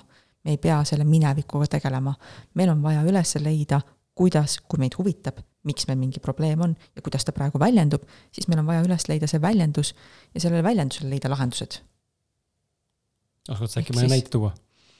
Äh, no ütleme, et äh, inimene on, äh, kasutan hästi lihtsat keelt praegu, ma lihtsalt ütlen ette, et ma, ma ei lähe terminoloogiasse, inimene on saanud lapsena peksa uh. Mhm. -huh. ja, ja see näiteks väljendub selles, et ta ei suuda usaldada a la naisi Ähm, lihtsalt lööb välja, mis tähendab seda, et tal tõenäoliselt on probleemid elukaaslasega, tõenäoliselt naiskolleegidega, ilmselt teeb neid maha või, või naeruvääristab või ei suuda üldse ametiredelil kasvada, noh, midagi sellist tõenäoliselt seal kuskil on. ja see häirib teda. see tähendab, et see, et ta ei suuda elukaaslast näiteks usaldada, ei suuda, noh, seal võivad olla ka seksuaalsed probleemid, igasugused muud väljendusvõimalused, täpselt ei tea, aga, aga midagi kuskile sinnapoole. Ja kui ta tahab nüüd nendega tegeleda, siis me selles teraapiaprotsessis ei pea minema minevikku tagasi, vaid meil on vaja leida võimalused, kuidas ta hakkaks ennast ja naisi usaldama ja selleks on kindlad sammud, selleks on teraapia, mis tegeleb selle tundega. ja, ja nii ongi mm -hmm.. ehk siis me ei pea minema ja tooma seda nii-öelda probleemi alghetke fookusesse, aga kui meil on probleem või mure, võime selle tuua fookusesse ja sinna leida lahendused. ehk siis algprobleem ja tänane tulem sellest asjast ei ole omavahel absoluutselt mitte kuidagi seotud, lihtsalt äh, minevikus alles aset leidnud sündmused on olnud lihtsalt äh, ütleme siis nagu vundamendi ehitajad sellele probleemile, mis on täna aktiivne, aga nad ei ole seotud enam otseselt. jah, ma, ma, ma ei, ma ei saa sulle üheselt öelda, et nad ei ole seotud, ilmselgelt mm -hmm. mingi päästik on olnud mm -hmm. minevikus, mis hetkes, kui palju neid kokku seal on olnud, me ei tea mm. -hmm. ta seotud on aga kui sa lahendad teda, siis sa ei pea minema selleks selle algussündmusesse tagasi, vaid sa saad lahendada praegu esile kerkinud teemat. kas, kas see on arusaadav mm? -hmm. jah. sul tekib ka mingeid, äh, mingeid mõtteid siin või? ei, ei, ma, ma, noh, ma olen selles mõttes äh, nõus Marisega, et nad on kindlasti seotud, et, et kuskilt on see mingisugune hirm või, või mingi käitumismall nii-öelda tekkinud mm. -hmm. me ju noh, mingis, mingites kogemustes alateadvus õpib mingisuguse mustri, käitumismustri ära ja, ja ho-, et, et sina enam sellisesse valusasse nii-öelda situatsiooni ei, ei, ei, ei satuks mm, -hmm. püüab ta sind suunata mhm. teistpidi, eks ju. just, see on no, kaitsereaktsioon. just, alandad või tähendab, võib-olla naeruvääristades siis naiskolleege mm -hmm. või mhm. mida iganes, eks ju. just, see on lihtsalt kaitsereaktsioon. kindlasti seotud on aga jah, et äh, hüp-, hüpnoos, ma saan siis aru, võtabki nagu selle seisukoha, et ei pea minema sinna algusesse ja seda üles otsima, eks et Just. me tegeleme selle tundega, mis praegu tekib ja, ja Just et kui tegeletakse seda. näiteks Ameerikas äh, väga suurte traumade ohvritega, siis äh, tihti ei ole isegi vaja teada, mis trauma see on või kuidas see juhtus, selleks et seda ohvrit mitte sinna tagasi viia, vaid tegeletakse sellega, et kuidas inimene tunneb ja kuidas ta tahab edasi minna. -hmm. et see on minu arust nagu hästi tervislik lähenemine ei pea kõike üles koukima, vaatama ja ikka läbi elama ja läbi elama, see, see ei ole kasulik. okei okay. hmm., mul, äh, meil kolleeg Karmel küsis tegelikult ühe küsimuse ka. tegelikult neid isegi rohkem, äh, ma olen kirja pannud siia, küsin siia vahele, need on kõik hüpnoosiga seotud, et tal tekkis huvi. et ähm, hüpnoosi seisundis, tema küsimus oli siis see, et äh, kas me hüpnoosi ajal kaome ära või oleme teadlikult ruumis aga me oleme kogu aeg kohal, et täpselt nii nagu autot juhtides keha on kerges lõdvestuses, aga mm. meel on ergas. et see, see ongi see koht. nii, nüüd ma võtan selle uuringu ette ja -hmm. räägin, mis siis toimub inimese peas, kui, äh, kui ta on hüpnoosi olekus. nüüd on probleem selles, et äh, mul oli jube häbi öelda küll avalikult välja, aga ütlen ikkagi, sest et ma olen aus. Ma ei jõudnud kõikide ajuosade nimesid otsida välja, mis nad eesti keeles on, kuna ma ei ole ülipeenelt neid õppinud, ma olen ajupiirkondi õppinud, aga ma ei ole kõiki asusid, nii et mõned on inglise keeles. hüpnoosi olekus, sellest osast ajust, mis siis aktiveerub, kui sa muretsed kui, mis tegeleb nagu konteksti lahtiharjutamisega, harutamisega ja annab märku, mida sa peaksid märkama, mida mitte, selle ajuosa aktiivsus vähenes hüpnoosi olekus. siis äh, erinevad ajusad hakkasid koos töötama äh,, näiteks planeerimise osa ja rutiinide osa, ehk siis see, mis reguleerib keha funktsioone nagu vererõhk, südamelöögisagedus, ehk siis need osad nii-öelda hakkasid koos töötama ja vähem töötama hakkas siis enesereflektsioon, ehk siis iseenda justkui kõrvalt vaatamine, iseenda analüüsimine. et äh, see on see, mis hakkab siis toimuma, kui inimene on hüpnoosiseisundis. Mis tähendab seda, et keha lõdvestub, aga inimene mõttega tegelikult on kohal. ta ei analüüsi ennast kõrvalt, vaid ta läheb selle protsessiga kaasa, ta peab kuulama. kuidas ta muidu saab seda protsessi kaasa teha ta läheb läbi selle protsessi, mis siis terapeut parasjagu talle kas kirjeldab ja olenevalt terapeudist terapeut kas kasutab mingit tagasisidestamisvarianti, laseb kliendil rääkida või ei lase rääkida ja, ja viib selle seansi siis vastavalt läbi. need on kõik erinevad ähm,. Ameerikas äh, sisseviimised on lihtsamad ja kiiremad mõnel juhul, mõnede eestlaste puhul see toimib, mõnede eestlaste puhul ei toimi. ma, ma annan niisuguse hästi üldise vastuse, et, mhm. et, et et äh, sa ei pea kuskile ära kaduma, sest et äh, Hollywoodi filmid on meile teinud väga suure teene. just. et me võime tegelikult päästikuid alati teha igasuguseid ja show-hüpnoosis, äh, ma mõtlen ühe konkreetse filmi peale, et teeklaasis näiteks lusika liigutamine võib olla, niisugune kõlistamine võib olla vabalt mingi päästik või, või mingi muu asi. aga noh, mis iganes traumaga seotud võivad ka olla päästikud, on ju päästikud tegelevad igal juhul, kui inimesel on mingi suur connection või siis äh, hüpnotisöör ise loob selle päästiku, et inimene läheks lõõgastusseisundisse. Show-hüpnoosis on need lihtsamad äh,, ma räägin lihtsalt Ameerika filmidega võrreldult äh,, aga need on ajutised. päästikud, mis päriselt jäävad a la, kui äh, ma lähen väga nagu oota, oota, ma tõmban asjad kokku. minu loo point on see, et Ameerika filmid on meile teinud karuteene, inimene ei kao kuskile ära, ta on kohal, ta teeb protsessi kaasa sellepärast, et tal on vaja teadlikult see läbi teha. tal on vaja ise see läbi teha. nüüd, kui inimene tahab näiteks ennast ise aidata ja endale sisse luua mingid päästikud, et ta läheks sellesse seisundisse kiiremini ja kergemini, siis neid päästikuid on võimalik teha, a la võtad aja ja hakkad lihtsalt sügavalt sisse-välja hingama ja lubad endale lõdvestuda.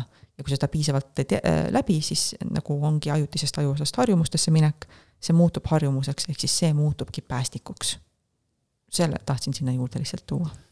et aga siis äh, sa mainisid äh, sõna show hüpnoos. et, et ähm, noh, ma olen ka näinud, et tuuakse mingi inimene lavale, teeb sul mingi, ma ei tea, nipsu või mm -hmm. mida iganes ta teeb, mhm. on ju, siis see inimene enam ei tea, kus ta on või kes ta on ja ta võib ja. olla koer või. vaata, see loogiline osa lülitab välja nagu. aga kas see on võimalik niimoodi jaa, muidugi, ma olen seda teinud päris palju. on ka või? jaa, muidugi. aga kuidas see siis niimoodi Need... kas see inimene peab ikkagi, kas sul on kokku lepitud selle inimesega või ta tuleb täiesti ei, suvaline? meil on kokku lepitud, et me teeme show hüpnoosi.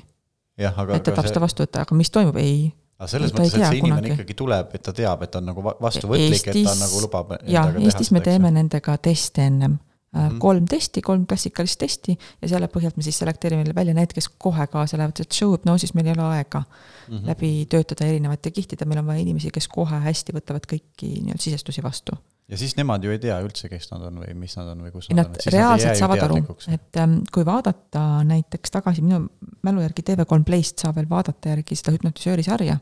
kui vaadata järgi näiteks Inga Lunge osa, siis äh, Inga seal hästi ilusasti räägib, et ma saan kõike aru, mida ma olen, et ma olen Inga, et ma olen siin ja ma olen kohal ja ma olen inimene, aga ma tunnen ennast nii mm. ehk siis sa saad aru, kes sa oled, mida sa teed, aga sul on lihtsalt vastupandamatu tahe teha niimoodi et sa tegelikult ei kaota mitte mingit okay. kontrolli ära. Never hüpnoosi seisundis sa ei anna, see on just hoopiski suurem enesekontroll. Kui ütled, mina ei lähe kellegi ajus sobrama. ei, tore oleks muidugi, väga põnev, inimeste ajud on raudselt väga põnevad, aga ma saan terapeudina ka selle info kätte, kui ma tahan, mis aitab inimest edasi. et äh, hüpnoos ei ole inimeste ajudes sobramine, vaid hüpnoos on tegelikult ülim näide kontrollist, et inimene usaldab ennast, usaldab terapeuti, ta ise kontrollib, kui sügavale ta läheb. Ehk siis äh, need äh, õuduka hüpnoosifilmid, mis on olemas siin viimastel aastatel tulnud ka välja mingisugustest. äh, ja varsti tuleb üks veel. nüüd novembris vist tuleb üks veel hüpnotisööride kogukond läks kihama ehk siis need ei vasta tõele või, et kus inimesi reaalselt inimene on näha, et noh, piltlikult mitte kustub mingi- ära ja ta on täitsa omas sisemaailmas on tegelikult kuskil hoopis teises kohas Aa, täitsa, et ta on, Mm-mm. aga ruumis on, ruumis on nagu Mm-mm. kutupilt. juhul, kui ta on skisofreenik, ta ei võta raudselt hüpnoosi siis vastu, see on hoopis mingi teine hoog, mm. -hmm. et ei. Mul on veel niisugune intrigeeriv küsimus, kas Jaa. reaalselt on võimalik äh, inimest mõjutada niimoodi ikkagi ümber kirjutada? sa küll ütlesid saate algul, et, et ta ei tee enda tahte vastaselt midagi mm. -hmm. aga viia ta sellisesse olukorda, kus ta tegelikult ei mäleta enam, mida talle mõju, mida talle sisendati ja ta tuleb siis nii-öelda oma tavateaduse juurde tagasi ja siis paneb mingi kuriteo toime, Mhm. ise võib-olla üldse ei Mhm. mäletagi seda ja, ja ütleb, et no ma ei tea, ma ei ole olnud. See on nüüd äh, trauma ja šokireaktsioon, et see juhtub tegelikult päriselt ka. et kui inimene teeb mingit asja nii-öelda šokiseisundis, siis ta lihtsalt selle suure trauma tagajärjel unustab ära. selleks ei ole hüpnoosi vaja, see on tavaline šokiseisund.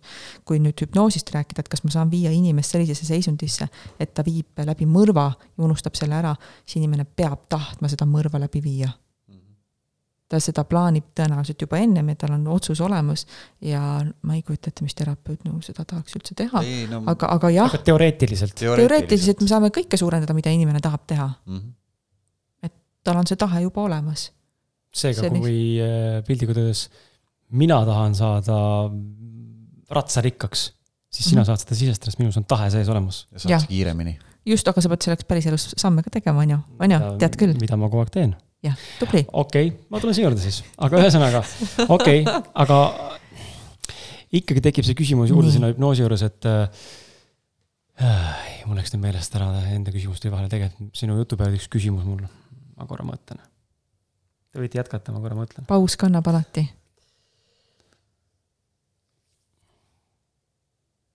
jah, see on, see, see on niisugune tavaline eluline juhtum, kus äh, nii palju uut põnevat infot tuleb peale, et enda info läheb äh, meelest see on äh, podcaster'ina väga tavaline, sest et sa hoiad mm. -hmm. kinni küsimust, et lased teisel inimesel Mhm. rääkida. ja just siis, kui see hetk on käes, siis on see, et mm. -hmm.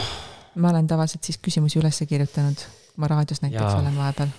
tuleb meelde, lähme edasi, tuleb lihtsalt meelde, ma tean, ma ennast tean, mul tuleb alati meelde. nii, nii, lähme korra siis selle peale, et ähm, räägime hüpnoteraapiast. Hüpnoos on tööriist, on ju, mitte midagi enamat. räägime hüpnoteraapiast äh, just nagu selle nurga alt ka, et äh, mm, kas seda peab tegema, kas seda peab läbima, kui palju see tegelikult aitab ja, ja miks on hüpnoteraapia näiteks viimastel aastatel, võib-olla ütleme viimase viie aasta jooksul, võib-olla isegi vähem, ma ei tea, umbes niimoodi tundub vähemalt vaadates, tohutult palju populaarsust koguma hakanud. ma ei mäleta, et kui ma oleksin olnud võib-olla kahekümnendate alguses, ma oleksin kuulnud väga kuskilt, keegi räägib mulle hüpnoteraapiast mm. Mhm. -hmm. täna on see igas aknas sisse lendav mm, no alustame sellest, et viis aastat tagasi läks hüpnotisöör eetrisse. mm. -hmm. üks proua siin istub teie Mhm. vastas mina, mina mäletan. oli selle algataja, et pärast seda hüpnoos tõesti läks väga populaarseks. ma tahaks mõelda, et see on tänu minule ja nii-öelda siis äh, produktsioonimeeskonna ja, ja turunduse koostööle. reaalselt, no seal võisid ka muud asjad taustal töötada, aga tõenäoliselt on see, et äh, a la inimesed äh, käivad investeerimisfestivalil järjest rohkem, sellepärast et neid festivali korraldatakse ja vastavaid saateid ja podcast'e tehakse ka. et kui sa tood midagi nagu fookusesse, siis inimesed hakkavad seda ju järjest rohkem uurima. kollektiivne teadvuse kasv, noh, näiteks jah. kas seal saates sosistati ka taustaks või? kindlasti. ei, ei, ei seda ma ei kasutanud. jah, kas seda on kellel, kas seda peab tegema, ei pea. aga võib, võib, aga ei pea. ma hakkan siin, Äh. ma hakkan siin saadetes sisestama edaspidi siis midagi Senglendi kohta. soolepuhastusest. maks on terve sul alati. mulle see väga meeldib, nii veel, palun veel, nii. maks saab puhtaks ühe päevaga. väga hästi töötab Need. tulevad. jaa, just, just, just. nii, kas küsimus oli see, et kas see, kas, mis see, mis see küsimuse osa teil oli? hüpnoteraapia osas Nii. just, et ähm, mis see inimesega teeb? Sest et sa rääkisid eelnevalt sellest, et me ei lähe minevikku tagasi. mina oma kogemusest hüpnoteraapia sessioonides käies, siinkohal äh, sulle siin äh, vastu põrgatamiseks, eks ole, Ants Rootslase juures olen käinud Nii. mõned korrad, sinuga me sellisel viisil ei teinud seda. Mhm. aga Antsuga ma olen väga palju käinud sorkimas minevikku ja lõpuks tundsin tegelikult, et see ei ole päris see, mida ma teha tahaksin. seega, kuidas see hüpnoteraapia töötab, et me tegelikult ju käime läbi selle perekonna, noh, okei okay,, see oli, see oli nagu sa mõtlesid hüpnoteraapia koos perekonstellatsiooniga. aga siiski, et nagu. hüpnoosiseansis ähm, noh, mina ja mina õpetan ka nii-öelda edasiterapeutidele, et me ei pea minema perekonnaseisu, perekonna äh, sisse ja me ei pea üldse tegelema minevikuga. Pole vajalik ähm,. kui on mingi trauma, muu asi toimunud, me tegelikult ei pea teadma, mis see on. tore on, kui inimene tahab rääkida aga ei ole vajalik ja hüpnoosis me ei pea minema seda minevikku surkima ja, ja noh, viimased paar aastat ma olen õpetanud, et me ei lähegi sinna. ei ole vaja, see ei too mitte mingit kasu, meil on vaja probleemiga tegeleda nüüd ja praegu, sest et see viib meid rohkem edasi. kui see, et sa tood minevikus pidevalt üles, üles, üles, üles, et see on nüüd vastupidine võib-olla reaktsioon ja, ja ma usun, et igaüks teeb omamoodi. see on see, kuidas mina teen ja kuidas mina õpetan ähm, hüpnoosiseansil äh, me kasutame nõustamist eelnevalt, ehk siis inimesega on vestlus, äh, vestluse jooksul me saame aru, mis tal tule-, äh, elus toimumas on, mis on need kaasnevad valdkonnad, kus see asi veel ilmub, kas on midagi veel, kas on mingid nagu alustuumpõhimõtted, mis seda inimest juhivad ja kuidas ta saab neid lahendada ka ilma hüpnoosita. siis ta saab enesehüpnoosi tööriistad endale. ja siis toimub hüpnoosiprotsess ja pärast seda saab inimene ära minna ja saab endale hüpnoosilindistuse ja siis ka sammud, kuidas edasi minna ehk siis see on nii-öelda kokkuvõtvalt see hüpnoosiprotsess ja hüpnoosi osa siis ongi sissejuhatus, ehk siis kehalõdvestus äh,, ma võin sellest vabalt rääkida, aga see ei ole mitte mingi saladus, see on täitsa tavaline protsess.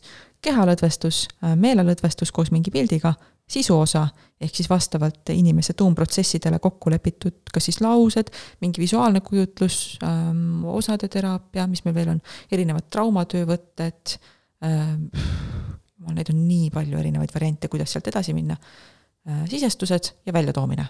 ja see, see ongi hüpnoosi seanss, noh, algusest lõpuni.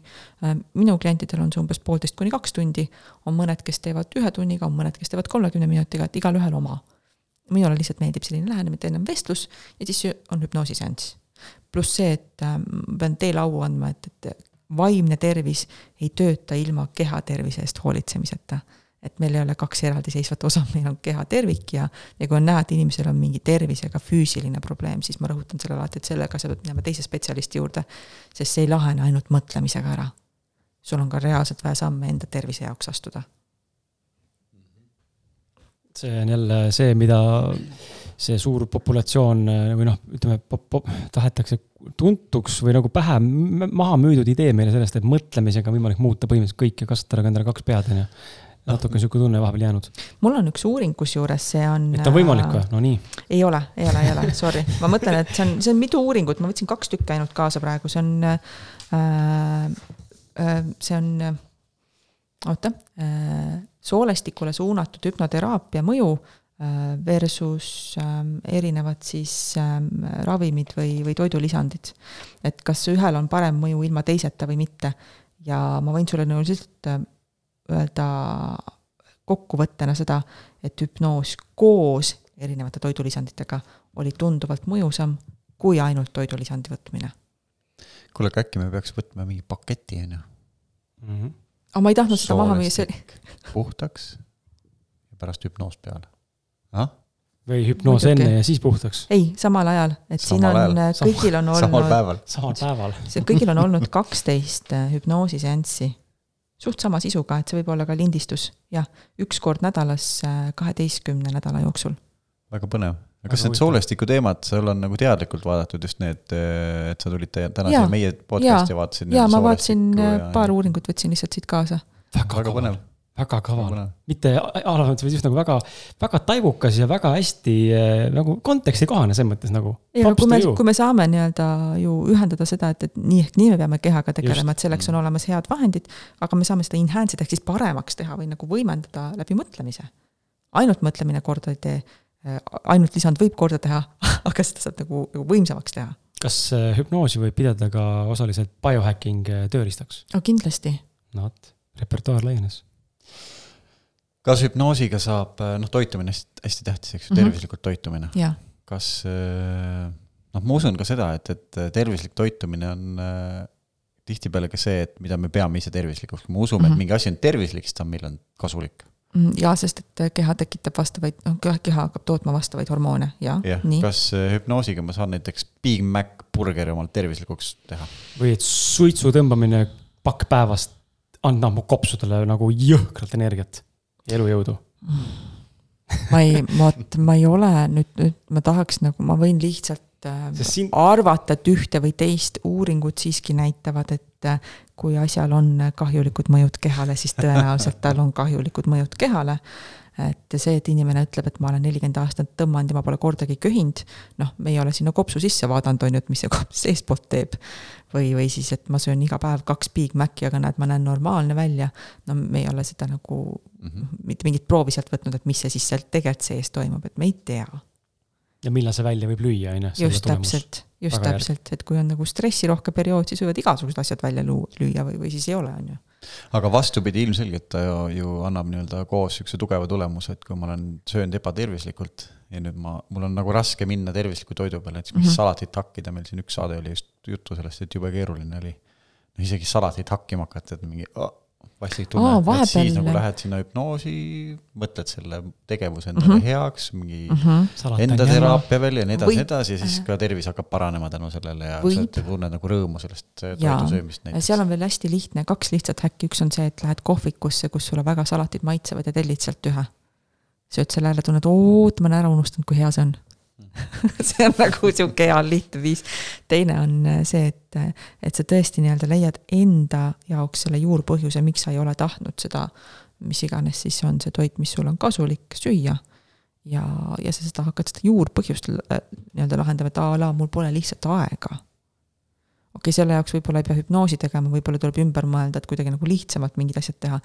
aga teine on see, et mul kunagi maitses salat, nüüd enam ei maitse, sellepärast et jumal teab, mis vahepeal juhtus siis tõesti võib seda visuaali kasutada, et mulle see maitseb, see on mulle kasulik, mis ta mu kehas teeb, kuidas mu keha saab terveks, mul on rohkem rõõmu ja seda pidevalt teha, siis äh, ilmselgelt hakkad sa seda uskuma ja seda läbi tegema.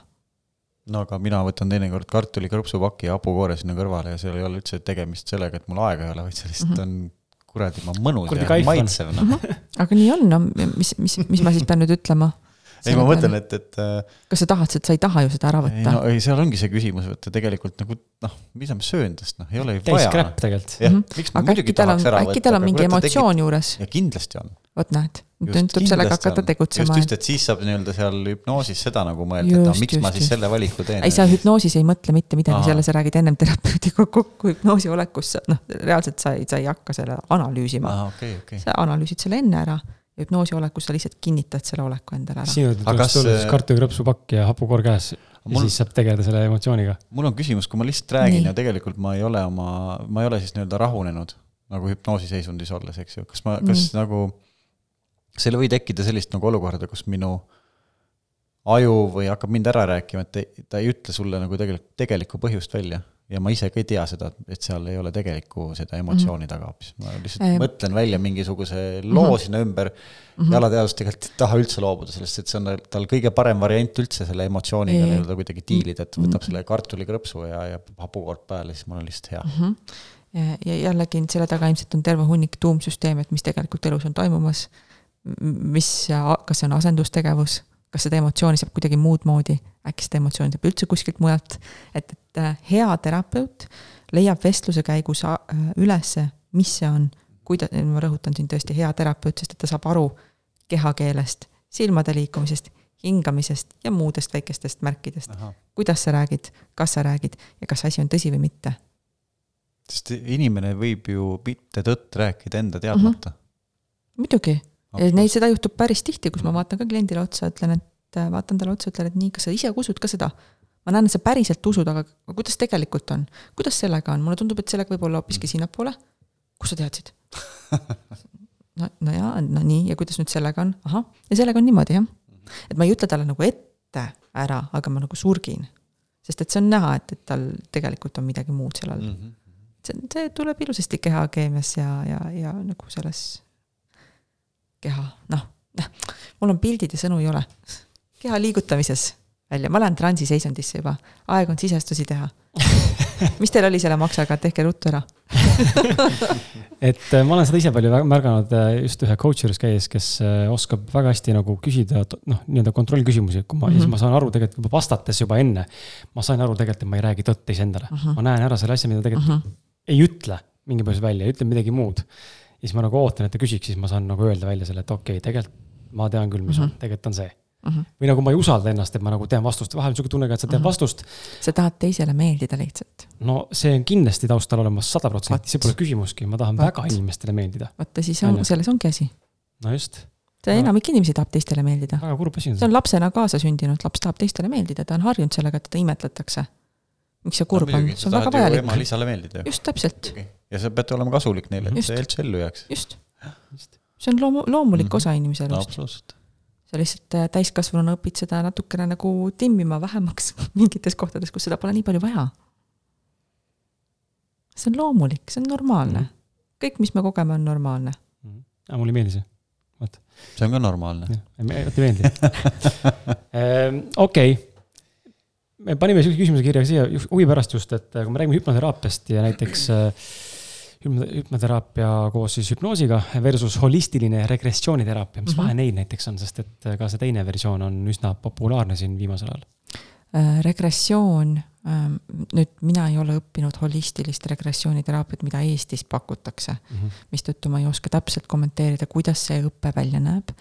Äh, regressiooni kui teraapialiiki ma õppisin äh, Londonis ja, ja see regressioon, mida mina õppisin, on selle elu mineviku sündmustesse tagasiminek ja ka äh, see selline tore uskumus, nagu eelmised elud on olemas ja eelmiste eludesse tagasiminek ja see on selline üsna libe tee. ühelt poolt me tõmbame mingi trauma või sündmuse ülesse, me hakkame seda muutma, mis on okei okay,, kui inimene on selles meelelaadis ja seisundis, et ta on valmis seda uuesti vaatama, läbi elama neutraalselt ja ära muutma neutraalselt. ja miks ma rõhutan siin neutraalselt, sest et seda seisundit äh, sa pead kogema neutraalselt muidu ta ei ole kasulik. pluss seal on niisugune tore libe tee, et me lähme vaatame eelmiseid elusid, jube põnev on. jumala äge, eelmised elud, äkki ma olin printsess, äkki mulle kuulusid hullud maad, äkki ma olin, ma ei tea, universumi kuningas või elasin kuskil seenekese peal. mine sa tea. reaalsuses ähm, mul on juhtum äh, hüpnotisööri äh, saatest, kus äh, ja seda ei lastud eetrisse, ma tean, aga, aga ta oli päriselt olemas, kus mina vaatasin suu lahti, et täitsa peits oota, oota, ma pean vist elu ümber mõtlema. kus äh, meesterahvas, keda ma viisin hüpnoosi, ta polnud elu sees käinud Saaremaal ja, ja ta rääkis mulle asju, ma panin need kirja, ma andsin talle pärast need edasi, ta otsis need kohad ülesse ja läks, ühest kirikuraamatust käis, otsis konkreetseid nimesid ja majaplaane, mis ta mulle üles joonistas ja ta leidis need majaplaanid, mis olid täpselt samad ja ta leidis need nimed üles sealtsamast vanast kirikuraamatust, mida ta regressiooni jooksul koges. ma ei saa öelda, et, et noh, et, et, et nii-öelda eelmisi elusid ei ole olemas, aga ma ei saa öelda ka, et nad on olemas, sest et jumal teab, äkki kuskil ajalootunnis kuskil midagi rääkis kuskilt silmanurgast, ma ei tea. minu loogiline mõistus ütleb, et, et ma ei saa kõike usaldada nii, nagu on, ja teiselt poolt mingi osa minust tahab usaldada et, et, et ka regressiooniteraapiaga on täpselt see, et äh, kas me kuskil olime, mis me tegime, kas see mälestus on päriselt olemas või see mälestus on meie kujundatud, me ei tea. inimesel on fantastiline oskus äh, aasta jooksul pool oma mälu ümber äh, muuta mina mäletasin väga kindlalt väikese lapsena ja ma rääkisin seda kõigile ette edasi, et meil on toas käinud keravälk. ma mäletan, kuidas ta tuli köögipistikust sisse, tegi toas paar tiiru ja läks akna kaudu välja ja nüüd, kui täiskasvanuna ma rääkisin oma vanaemaga äh,, jah, vanaemaga, siis vanaema ütles, et tead, Maris, ma rääkisin sulle seda lugu, kuidas mina laps olin ja ma seda kogesin. ehk siis mina, kuna see oli minu jaoks nii põnev, ma võtsin selle mälestuse pildina üle ja hakkasin seda rääkima kui enda oma. me suudame võtta niimoodi mälestusi ka teistelt üle ja rääkida seda kui enda oma. samamoodi me saadame ka ümber rääkida oma mälestusi, mistõttu see minevikku minek või eelmiste elude vaatamine on üsna libe tee võib-olla mul ego tahab lihtsalt boost'i saada, ma olin printsess või kuninganna, aga mis see selles elus mängib? midagi ei mängi, lihtsalt nina tõstab kõrgele, et, et ma olen äge või kuulus, no see, see ei anna mulle midagi juurde, see on see egotripp nojah, samas kui äh, ütleme, et sinna regressiooni teel sinna minevikku minna ja, ja, ja, ja inimene on nõus neutraalselt selle läbi elama mm -hmm. ja ükskõik, mis see sündmus on, kas ta on mm -hmm. nagu päriselt olnud või ei ole ja kui see tegelikult teda aitab, siis on ta ju nõus, ilmselgelt nagu mõistlik. nõus, just täpselt mm, -hmm. et minule endale lihtsalt on vastukarva see, et, et mina olen hästi otsekohene inimene, mis ei tähenda, et ma ei ole klientidega mõistlik, ma suudan mõista ja, ja olla ka empaatiline, aga ma olen otsekohene mis tähendab seda, et kui klient on mul vastas ja, ja tunneb ennast kehvasti, siis mina näiteks, ma tean, et holistiline on hästi, teraapia on hästi hoidev, hästi kaaselav, aga mina otseselt vaatan, et aga miks sa virised? nii, mis sul päriselt elus vaja teha on? et, et et ma küll hoian teda, aga ma tahan, et ta läheks sellest punktist edasi. et, et ma ei saa, ma ei saa olla nii pehme võib-olla, kui mingi lähenemine ootab, vaid ma olen otsekohesem ja ma ei tee siin ühte või teist maha, ma ütlen, et me oleme lihtsalt erinevad inimesed ja need on erinevad teraapiad. Ja igalühel oma kas sa oled kokku puutunud ka selle Brandon Base'i rännakuteraapiaga? olen läbi teinud seda isegi mitu korda. kas see on rohkem hüpnoosi moodi, et seal on ka läbi tunde nagu või, või selline ta nii-öelda? on sarnane, aga ta ei ole hüpnoos, kuna ta kasutab lihtsalt loovat mõtlemist ja ta ei muuda nii-öelda alateadlikku mustrit mm. -hmm. ta kasutab küll visuaali, aga ta ei lähe otseselt nii-öelda sisestuste või mustri muutmise juurde. et, et ma ei saa seda hüpnoosiks lugeda. aga ma põhinen ka enda ja, ja mitme kliendi kogemusel noh, seal ei, ei minda ka vaata mm -hmm. mingi algpõhjuse juurde, vaid nii-öelda tunnetatakse seda Just. tunnet ja, ja Just. püütakse. aga see on hästi põnev jälle mm. -hmm. et see annab põnevust juurde ellu. et, et igalühele oma, ma ei saa öelda, et üks on parem kui teine, sest et igaüks on erinev ja igale ühele toimib erinev asi. kuna mina olen kõiki neid proovinud, eks ju, hüpnoosi, rännakuteraapiat ja regressiooniteraapiat, siis eh, noh, ma ütleks lihtsalt nii palju, et, et mind on aidanud erinevad asjad mingitest äh, erinevad nii-öelda teraapiaviisid ja oma mingitest asjadest aru saada mm. -hmm. ja siin ei ole nagu, et, et mulle sobib, et kellelegi sobib ainult hüpnoos. kõiki nagu iga, erinevate asjade puhul võib aidata mingi hoopis, hoopis nagu just, uus asi. just, ma olen täiesti nõus, samamoodi ütlevad ka kõik need uuringud, et hüpnoos iseenesest võib olla väga okei okay,, aga kui seda hüpnoosi panna näiteks kognitiivse käitumisteraapiaga kokku või, või mingite toidulisanditega, et selle mõju on tunduvalt suurem et ei peaks olema ainult üks ja õige valik, vaid elu võikski olla nagu teekond mitmete erinevate väga, siis väga, harudega. väga inspireeriv kusjuures, nii-öelda mõeldagi seda füüsilise, füüsilise keha aitamist koos hüpnoosiga, miks mitte, tõesti väga-väga liht mõte. ma olen nõus, aga mul tuli meelde vahepeal, mida sa tahtsid küsida ja öelda. onju, see ei olnud isegi küsimus, et pigem nagu tähelepanek ja, ja võib-olla noh, kohati moodustub küsimus, aga mitte nagu per se küsimus mm. -hmm. me rääkisime sellest, et äh, kui mälu, kui me ei taha midagi mäletada, on ju, siis me piltlikult mingid traumad, me, me oleme võimelised selle unustama. või noh, sulgema selle ukse, et me ei mäletaks seda, on ju, et mhm. meie kaitseks või mis iganes põhjusel. minu arust on hirmutav, kuna ma isiklikult tean mõningaid inimesi, kellel on see välja tulnud inimese seast, on neid jaganud ja nendega rääkinud teemadel. ja siis tekib kohe automaatselt enda kohta küsimus ka, et huvitav, kui palju meie sees on mingeid selliseid varjatud asju, mida me tegelikult ähm, mis tohutult näiteks on tekitanud mingid traumad, meil on mingit nagu haava nii-öelda, mis hoiab meid kinni, aga mida me täna ei teadvusta absoluutselt, noh, me nagu null nagu mälu trace'i on sellele, et see on nagu mm -hmm. nii suletud. noh, näiteks ma ei tea, et väga tume näide, aga see on reaalne sündmus, on ju, et sind on noorena, ma ei tea, kasuisa või klassivendade poolt äh, mingil reisil vägistatud. ja sa, tuleb meelde alles mingist teraapiast neljakümneselt et vau wow,, sihuke asi juhtus tegelikult, kui ma olin mingi seitsmene või kaheksane näiteks on ju. et kas sul on ka kogemus olnud, et kuidas nendega nagu tegeled või kuidas sa nagu, noh, sa ei saa inimese otsa vaadata öelda, et ma näen, et sul on seal äh, kaks kinni keeratud lukuga ust, mis tegelikult on väga suured traumad, jäta muu kõrvale, lähme nüüd tegeleme nendega, sa ei näe tegelikult seda, see on nii ploki all ju. selle peale mõtleks, kui terapeut, terapeut nii teeb, siis on oh shit see, see ei käi niimoodi. see on juba ennustamine. aga kuidas need esile tuua, selles mõttes, et nagu, või kuidas üldse välja, kuidas nad vallanduda saaks, kui see on vestluse, nii peidus? vestluse käigus tulevad välja, et kui inimesel on seksuaalsed traumad, siis need absoluutselt seksuaalsuses äh, avalduvad. kas siis hüperseksuaalsuse kaudu, ehk siis inimene on liiga seksuaalselt aktiivne või siis vastupidi, tekivad mingid plokid mingites kohtades. tavaliselt need kohad tulevad esile ja kui terapeut äh, räägib inimesega, nii kuidas meie õpetame, siis äh, vestluse käigus tuleb uurida igat eluosa ja kui sealt tulevad mingid kohad esile, siis tuleb neid nokkida. ja need annavad juba märke, et kui juba tulevad sealt mingid märgid, siis kuule, et äh, kuidas sul on suhe olnud nii või nii või nii, ahah, sul on seal, seal, seal sellised jooned, on ju, kuidas sul on suhe olnud vot selle inimesega, kuidas sul suhe on olnud lähedastega. et siis sealt nokkides juba tulevad mingid äh, errorid, tavaliselt inimese keha mäletab, mistõttu kehakeelest tulevad tavaliselt ka mingid nagu asjad ülesse ja, ja vahepeal võivad need mälestused iseeneslikult e-, esile tulla teraapias. Äh, see on päris suur šokk inimesele tavaliselt, mis tähendab seda, et, et sellised, ma olen neid lihtsalt päris, päris palju läbi viinud, kus on tulnud niimoodi lihtsalt teraapias ülesse mälestus. keset mitte midagi, puh, lihtsalt tuleb välja. et selle jaoks on omad sammud, kuidas sealt edasi minna, see on traumatööga tegelemine. ja kuidas inimest edasi toetada, ähm, see hõlmab ka seda, et lähedastele tuleb teada anda, kuidas inimest toetada, mitte millega, vaid kuidas et siin on minu arust see hästi tähtis äh, osa. Et ka lähedased teaksid, et inimene tuleb terapeudi juurest ja teda on vaja toetada. ja mina tavaliselt terapeudina märk-, küsin inimese käest luba, et kas ma võin anda sellised, sellised nõuanded kaasa, ja et ma märgin juurde, et ma palun, et seda inimest ei küsitletaks, vaid jäetakse, lastakse tal olla. et kui inimene ütleb, et ei, ei või mu lähedastele seda panna no siis, noh siis ma ei pane, on ju. aga, aga hea on, kui see inimene saab toetust ja, ja lisateraapiat ka, et see protsess läbi töötada.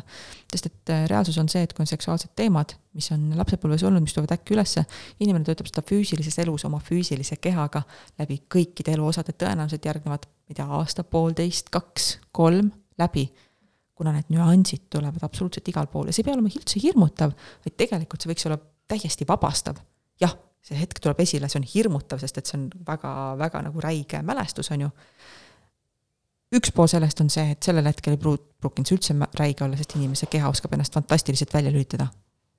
ja aju täpselt samamoodi ei tunne, ei noh, ei näe, ei saa mitte midagi aru, täiesti black out, kõik meelest läinud. et me ei saa täiskasvanutena üle dramatiseerida, et issand jumal, mis sinuga juhtus nii hirmus tema käe võttis, et see on lihtsalt instants, kõik, kustutame ära, tehtud, läinud. ja, ja teiselt poolt äh, kui inimene ka seda läbi töötab, siis äh, kõik see, mis hakkab paremaks minema, on vägev. see ju muudab tegelikult mustreid ja kui sa ei tea, et sul on mingeid sihukesi asju olnud, see ei pea olema ka hirmutav. vaid äh, jällegi on hästi ausa vestluse koht, et kus kohas, mis asjad välja tulevad ja kuidas neid siis edasi lahendada et kui mingi asi sind häirib, tuleb leida lahendus.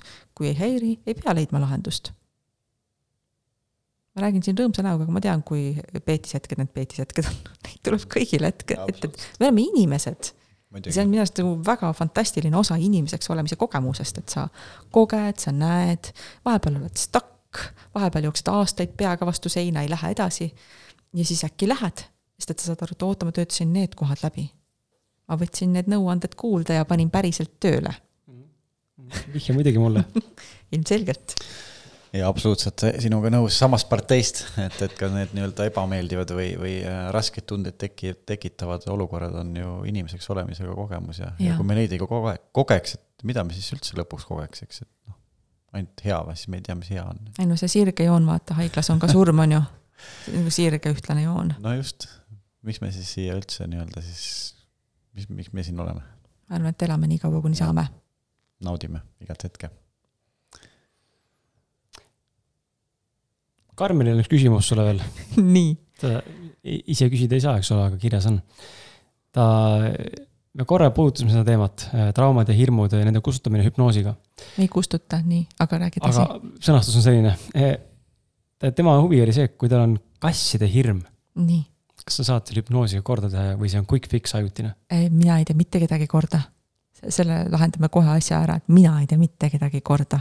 inimene teeb iseennast korda, inimene kontrollib ennast ise ja mina olen lihtsalt inimene, kes aitab sellest läbi suunata. mina ei ole võluvits, tema ise juhib oma elu kas sul on positiivseid kogemusi sarnaste hirmudega kordategemisel inimese enda poolt? Äh, sõnastame ümber, kas mul on positiivseid kogemusi äh, selliste teraapiate läbiviimisel, kus inimene iseennast aitab, jah, on küll ja..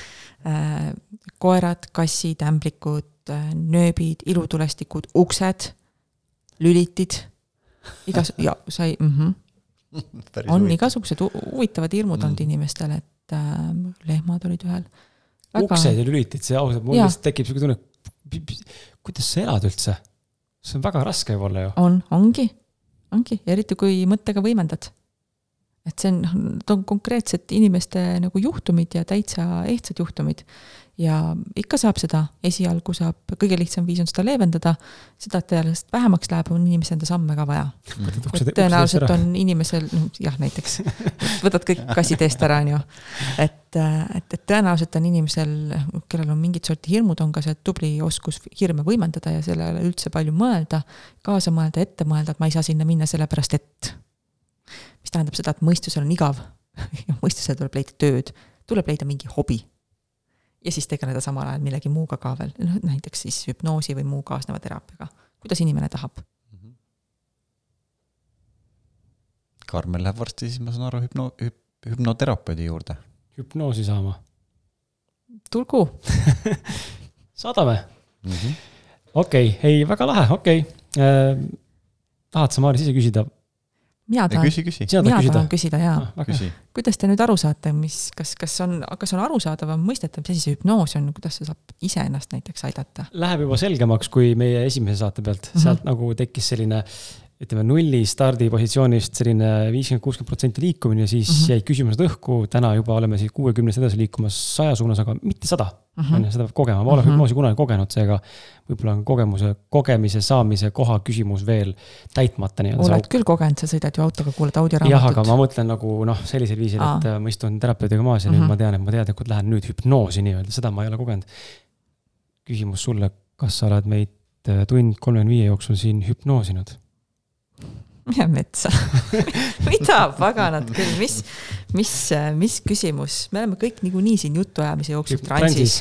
raudselt oleme, see on sihuke nagu ühtne meelelaad, et kõik on samas meelsuses. see on juba transs, see on juba kerge hüpnoosi olek ka mm. -hmm. kõik on hästi vastuvõtlikud, kuulavad üksteist ega sa oled niikuinii enamiku päevast oled transis. ja kuulajad on siis eriti transis praegu, nad ei räägi üldse kaasa, nad lihtsalt kuulavad. muidugi, mis tähendab, pange ruttu, mis teil oli siin? maksan terve päev soolepuhastus. sa pead panema sinna ettevõtte nime ka juurde, siis saab mõjub paremini. vot, vot, vot nii, just nii. nüüd te teate, kus saab. no vot.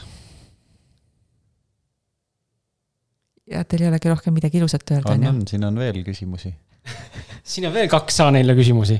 tegelikult on paar tükki veel. ma lihtsalt mõtlen, et äh, mis meil see on, tund kolmkümmend viis. me läheneme jah, kahe, ühele ähm, okei okay,, ma võtan äh, ühe küsimuse juurde siia, selle viimase küsimuse, natuke sellest äh, osaliselt saime räägitud ja see tegelikult oli sissejuhatuses või no tutvustuses sees. just seesama teema, miks mõtlemisest ainult ei piisa mm. -hmm. minu meelest me ei saanud vastust sellele, otseselt. ei saanud vastust? kaudselt. tegutseda tuleb ka. kas sa üldse ei kuulanud mind? kuulasin, aga ma tajun, et äh, ma tajun, et ma tahan küsida praegu seda ma norisin sind ka. seega, seega teeme see küsimuse, et miks ei piisa ainult mõtlemisest ja kas tegutsemine on olulisem kui mõtlemine, sest et äh, vasta, mõnikord mulle tundub, et äh, võib-olla siin natuke läheb nagu teema sassi, äh, aga ma toon selle sisse, sest ma tunnen, et ma tahan tuua seda sisse. teinekord me tegutseme täitsa nagu mõtlemata, on ju, näiteks uh mhm. -huh. ma toon näite, mida ma tahan tuua, on see, et me lähme teeme mingisuguseid, ma ei tea, praktikaid. me lähme osaleme mingisugusel, ma ei tea, vaatame mingit filmi, lähme käime teatris, lähme mingile uh mhm. -huh. sündmusele uh. -huh. ilma mõtleks kas me päriselt tahame sinna minna. keegi veenab meid või lihtsalt Aha. kuidagi tunneme, et okei okay,, no vahepeal lähme ja siis pärast oleme pettunud, on ju. et äh, noh, ma lihtsalt, tundub mulle, et see, see mõtlemisel on äh, oluline osa. ja, ja, ja, ja ei ole nii ainult, et ma nüüd peas jooksen või vastupidi, teine, teine, vastupidi, teinekord on ka see koht, kus äh, on hetki, kus loomulikult ei tasu noh, üle mõelda, me rääkisime mm -hmm. ülemõtlemist, eks ole, et hirmud äh, nii-öelda võimenduvad mm, -hmm. hakkame selle mõtlema, la la on ju kus tulebki tegutseda, kuidas siis see tasakaal leida või kumba siis sellisel juhul helistada, sest inimesed on erinevad, mõned on väga need, kes lähevad kohe teevad, pumm mm -hmm., prompt tehtud. ja teine on see, kes analüüsib, näiteks minu elukaaslane, kes analüüsib lihtsalt äh, lõpmatuseni, enne kui ta midagi üldse teeb ja siis tihtipeale mm -hmm. tegelikult ei teegi sest et see läheb üle. just. see impulss. aga, aga inimesed ongi erinevad ja nüüd läheb küsimus, ma arvan, isegi harjumustesse, et, et kuidas keegi on harjunud tegema ja kui palju keegi on valmis üldse neid harjumusi ümber kujundama läbi teadliku harjutamise et äh, inimene, kes mõtleb väga-väga palju üle ja üldse ei tegutse, kas ta tahab seda harjumust endale sisse harjutada, et ta hakkab tegutsema või mitte ja kui palju ta on nõus ennast ebamugavusse viima selleks, et seda teha. ehk siis, kui ta tahab vähem mõelda ja rohkem tegutseda, siis tuleb seda ju sisse harjutada, see on harjutatav protsess ja vastupidi, need, kes hüppavad pea ees sisse, teavad juba, et neil on kogemus äh, pettuda või läbi kukkuda, no siis tuleb harjutada ennast rohkem mõtlema et kui küsimus on nüüd selles, et kas ähm, ma ei tea, kas mõtlemine on kasulikum või, või tegutsemine on kasulikum, mis, mis see küsimus täpselt on mm, -hmm. siis äh, kuidas seda balanssi leida ähm,, tasub natukene elada näiteks. see on väga hea viis, kuidas leida balanssi, et äh, mulle meeldib, mulle meeldib selline mõte, et kui inimesel ei ole hobi, siis ta kipub tavaliselt oma mõtetega minema ekstreemsusesse. ja kui inimesel ei ole hobi, siis ta kipub ka väga ebaratsionaalseid asju tegema aga kui inimesel on hobi, mingi suund, kuhu poole ta kas tööga liigub, võiks tegelikult ka vaba ajaga liikuda, siis tal ei ole seda üleliigset aega, et kas üle mõelda või teha ebaratsionaalseid otsuseid, sellepärast et tal on midagi, mille suunas ta liigub. Minu arust näiteks hobi leidmine võiks olla üks väga hea viis, kuidas tasakaalu teha. hobiks võib olla ka mingi projekt, mis sind väga kõnetab.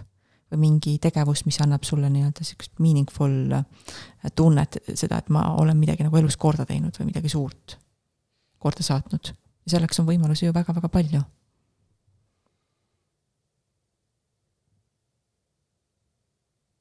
vaatame Maarjuse üksteise otsa ja midagi öelda ma ei oska. mõtlen, et kas sa said vastuse? jaa, aga ma nagu natuke tajun, et ma tahaks nagu seda osapoolt ka veel surkida, et äh, okei okay,, et läbiminemine ebamugavustundest on ju, kui, aga ma olen täna natuke seda meelt juba, et ei pea seda tegema ei alati. peagi, noh, kui tunne ütleb, mul on ebamugav tunne, miks ma pean tegema Mhm. asjaga, mis on ebamugav ja raske, kui ma saan valida lihtsama ja mõnusama voolama tee.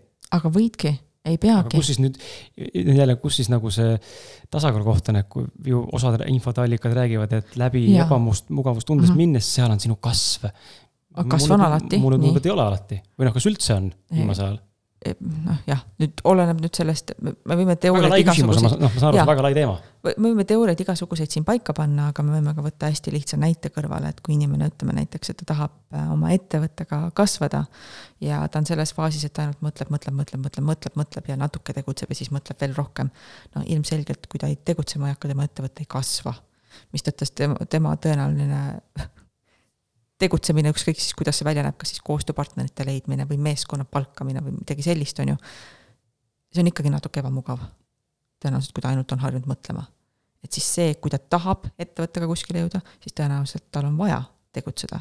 aga inimene näiteks, kes tunneb, et ma ei tea, ta kardab äh, kasse, aga see ta elu meeletult ei sega ja, ja noh, võib lahti saada, aga ei pea lahti saama, siis tema ei pea sellest läbi minema, kui ta ei taha kui see hakkab tema elu segama, ta tunneb, et muud varianti enam pole, siis tõenäoliselt võiks sellest ebamugavast läbi minna, otsida abi, seda abi praktiseerida, kui see ei tööta, või leida teine abi, seda abi praktiseerida ja leida sinna lahendusviise, et, et see on minu arust nagu hea sihuke näide siia juurde. jah, et, et olenevalt kui, eesmärgist. kui, kui äh, sa tahad, tahad olla keegi või miski, mida sa siiamaani nagu võib-olla olnud ei ole või ei ole julgenud olla. Noh, kui sa väga-väga tahad seda sul on ebamugav mingitest asjadest läbi minna või, või, või, või mingit uut praktikat hakata tegema. noh, siis ongi kaalukausil see, et kas sa loobud sellest illusioonist, et sa tahad siis mm -hmm. muutuda ja valid selle nagu mugava tee, mida sa oled kogu aeg käinud, või siis on see mugav tee juba sulle mõnes mõttes nagu tülgastavaks muutunud, et sa ikkagi lähed sellest ebamugavast läbi ja õpid omale uued, uued nagu mm -hmm. viisid või rutiinid selgeks, et saada siis oma niisugune tuleviku mina näiteks. Väga ilusti öeldud. väga hea. Maris, väga põnev on sinuga vestelda olnud. mida sa kuulajale veel ütleksid siin lõppu? see ei pea olema üks lause, see võib olla viis minutit ka. et, et mida sa tahaksid öelda inimestele südamele panna või, või, või, või, või, või öelda midagi sellist, mis avab neile veel helgema tuleviku elu, elu mõttes? ma tahaks öelda, et elu on raske. kõigil on elu raske. minu arust kõige mõnusam ja lihtsam on vaadelda seda, et, et ma vaatan lihtsalt enda elu, vaatan natuke tagasi sellesse kohta, kust ma olen tulnud ja võib-olla sellesse kohta, kuhu ma lähen, siis tegelikult igaüks meist on oma eluga täiesti ideaalses kohas. aga meil on kogu aeg otsused. ja iga väike otsus mõjutab meie elu tavaliselt edasisuunas. Et vastavalt sellele, millised valikud me teeme, sellised variandid meile tulevikus ka avanevad, see on niisugune hästi üldine jutt, kuhu ma tahan jõuda, on see, et tegelikult me ei saa kunagi midagi peeti keerata. ükskõik, mis otsuse me teeme, midagi me peeti ei keera, elu läheb alati edasi. minu arust see on nagu kõige mõnusam koht, et äh, juhendan ühte gruppi fotograafe just äh, nagu enesearengu ja foto, ma fotograafi taust on mul juba kaheksateist aastat olnud. et äh, ja ma näen nende arengus täpselt samamoodi nagu nägin terapeutide arengus, et see nagu iseendas kahtlemine on nii mõnus, valus äh, punkt, millest ma tean, et nad lähevad aastaid, aastaid, aastaid läbi, kuni nad jõuavad mingisse kindlustundesse ja siis see tuleb teistmoodi. Ja sealt edasiminek on ka niisugune mõnus, valus protsess, kus nad lähevad edasi, edasi, edasi, edasi, aga igaüks omal viisil. mõni kahtleb kauem, mõni kahtleb vähem, aga nad kõik lähevad alati edasi ja, ja see ongi võib-olla selline paradoksaalne mõte, et isegi siis, kui me nagu kahtleme ja, ja, ja stoppame ja, ja mõtleme ja mõtleme üle, me tegelikult läheme kogu aeg edasi. ja see on nagu, kui me oleme seal augus sees, siis see tunne on täiesti peetis, aga kui me tuleme sealt välja, siis see tunne on hästi-hästi mõnus. et äh, tahaks öelda, et, et kõik on kogu aeg heas kohas. isegi siis, kui on peetis, alati on olemas lahendused. ja võib ka vahepeal vabandused võtta. jumala okei okay on vahepeal ka vabandustega elada. aga siis võiks natukene võtta neid lahendusi ja edasi minna. ja kui on vaja abi, siis äh, terve maailm on abi täis, et äh, mulle õpetas elukaaslane väga ilusa mõtte, et äh, kui sul on keegi, kes sind inspireerib või kes tundub, et on põnev, mine hirmust üle või siis võta ennast kokku, lihtsalt kirjuta talle. kui ta ei vasta, selge, ei vastanud ei olnud võimalust, ei olnud varianti, ei saanud midagi. aga kui ta vastab, vaata, mis siis saab. aga sa ei saa kunagi teada, mis juhtus, kui sa ei kirjuta. nii et ma tahaks ka kõigile kuulajatele öelda, et kui teid keegi inspireerib, see ei, üldse, ma ei vihja endale absoluutselt, vaid keegi kuskilt välismaailmast, võtke kätte, kirjutage, vaadake, mis saab. Peeti niikuinii midagi keerata ei saa. aitäh sulle äh, kui nüüd ikkagi juhtub niisugune imeasi, et, et sa ikkagi inspireerisid praegu kuulajat, et äh, kus sind, kus sind leida võib? Neid kohti on palju, kui te võtate Ü-ga näiteks hüpnoos.ee, hästi lihtne, Ü-ga. või siis mina olen Maris Saar ja mul on marissaar.com mhm. see on ka variant. Äh, sotsiaalmeedias ta jääb igalt poolt ülesse. ärge Messengeri palun kirjutage, ma ei jõua, neid kirju nii palju siis email? meil näiteks kodulehe kaudu või Instagrami on vähem kirju mm. -hmm. sinna võib ka kirjutada. et lähme uputame Instagrami siis. pühamudas, no, noh jah, mis seal ikka. ei, väga lahe, aitäh sulle, et sa leidsid aega. aitäh, Maris, ja et sa leidsid aega tulla meiega siin vestelda väga,, väga-väga põnev oli aitäh, et te kutsusite, mul on noh, terve hunnik veel uuringuid läbi töötamata siin teiega, et ma ei tea, mis nüüd siis saab. ja peale tunde järeleaitamistunnid, täpselt nii. just, just. ja armas kuulaja, kui sulle see saade meeldis ja inspireeris ja leidsid siis midagi kasulikku, siis ole hea, jaga seda vähemalt ühe sõbraga. et meie ettevõtmine ja, ja parema, helgema tuleviku elusoovitused jõuaksid järjest rohkemate inimesteni aitäh kuulamast ja järgmise korrani. tšau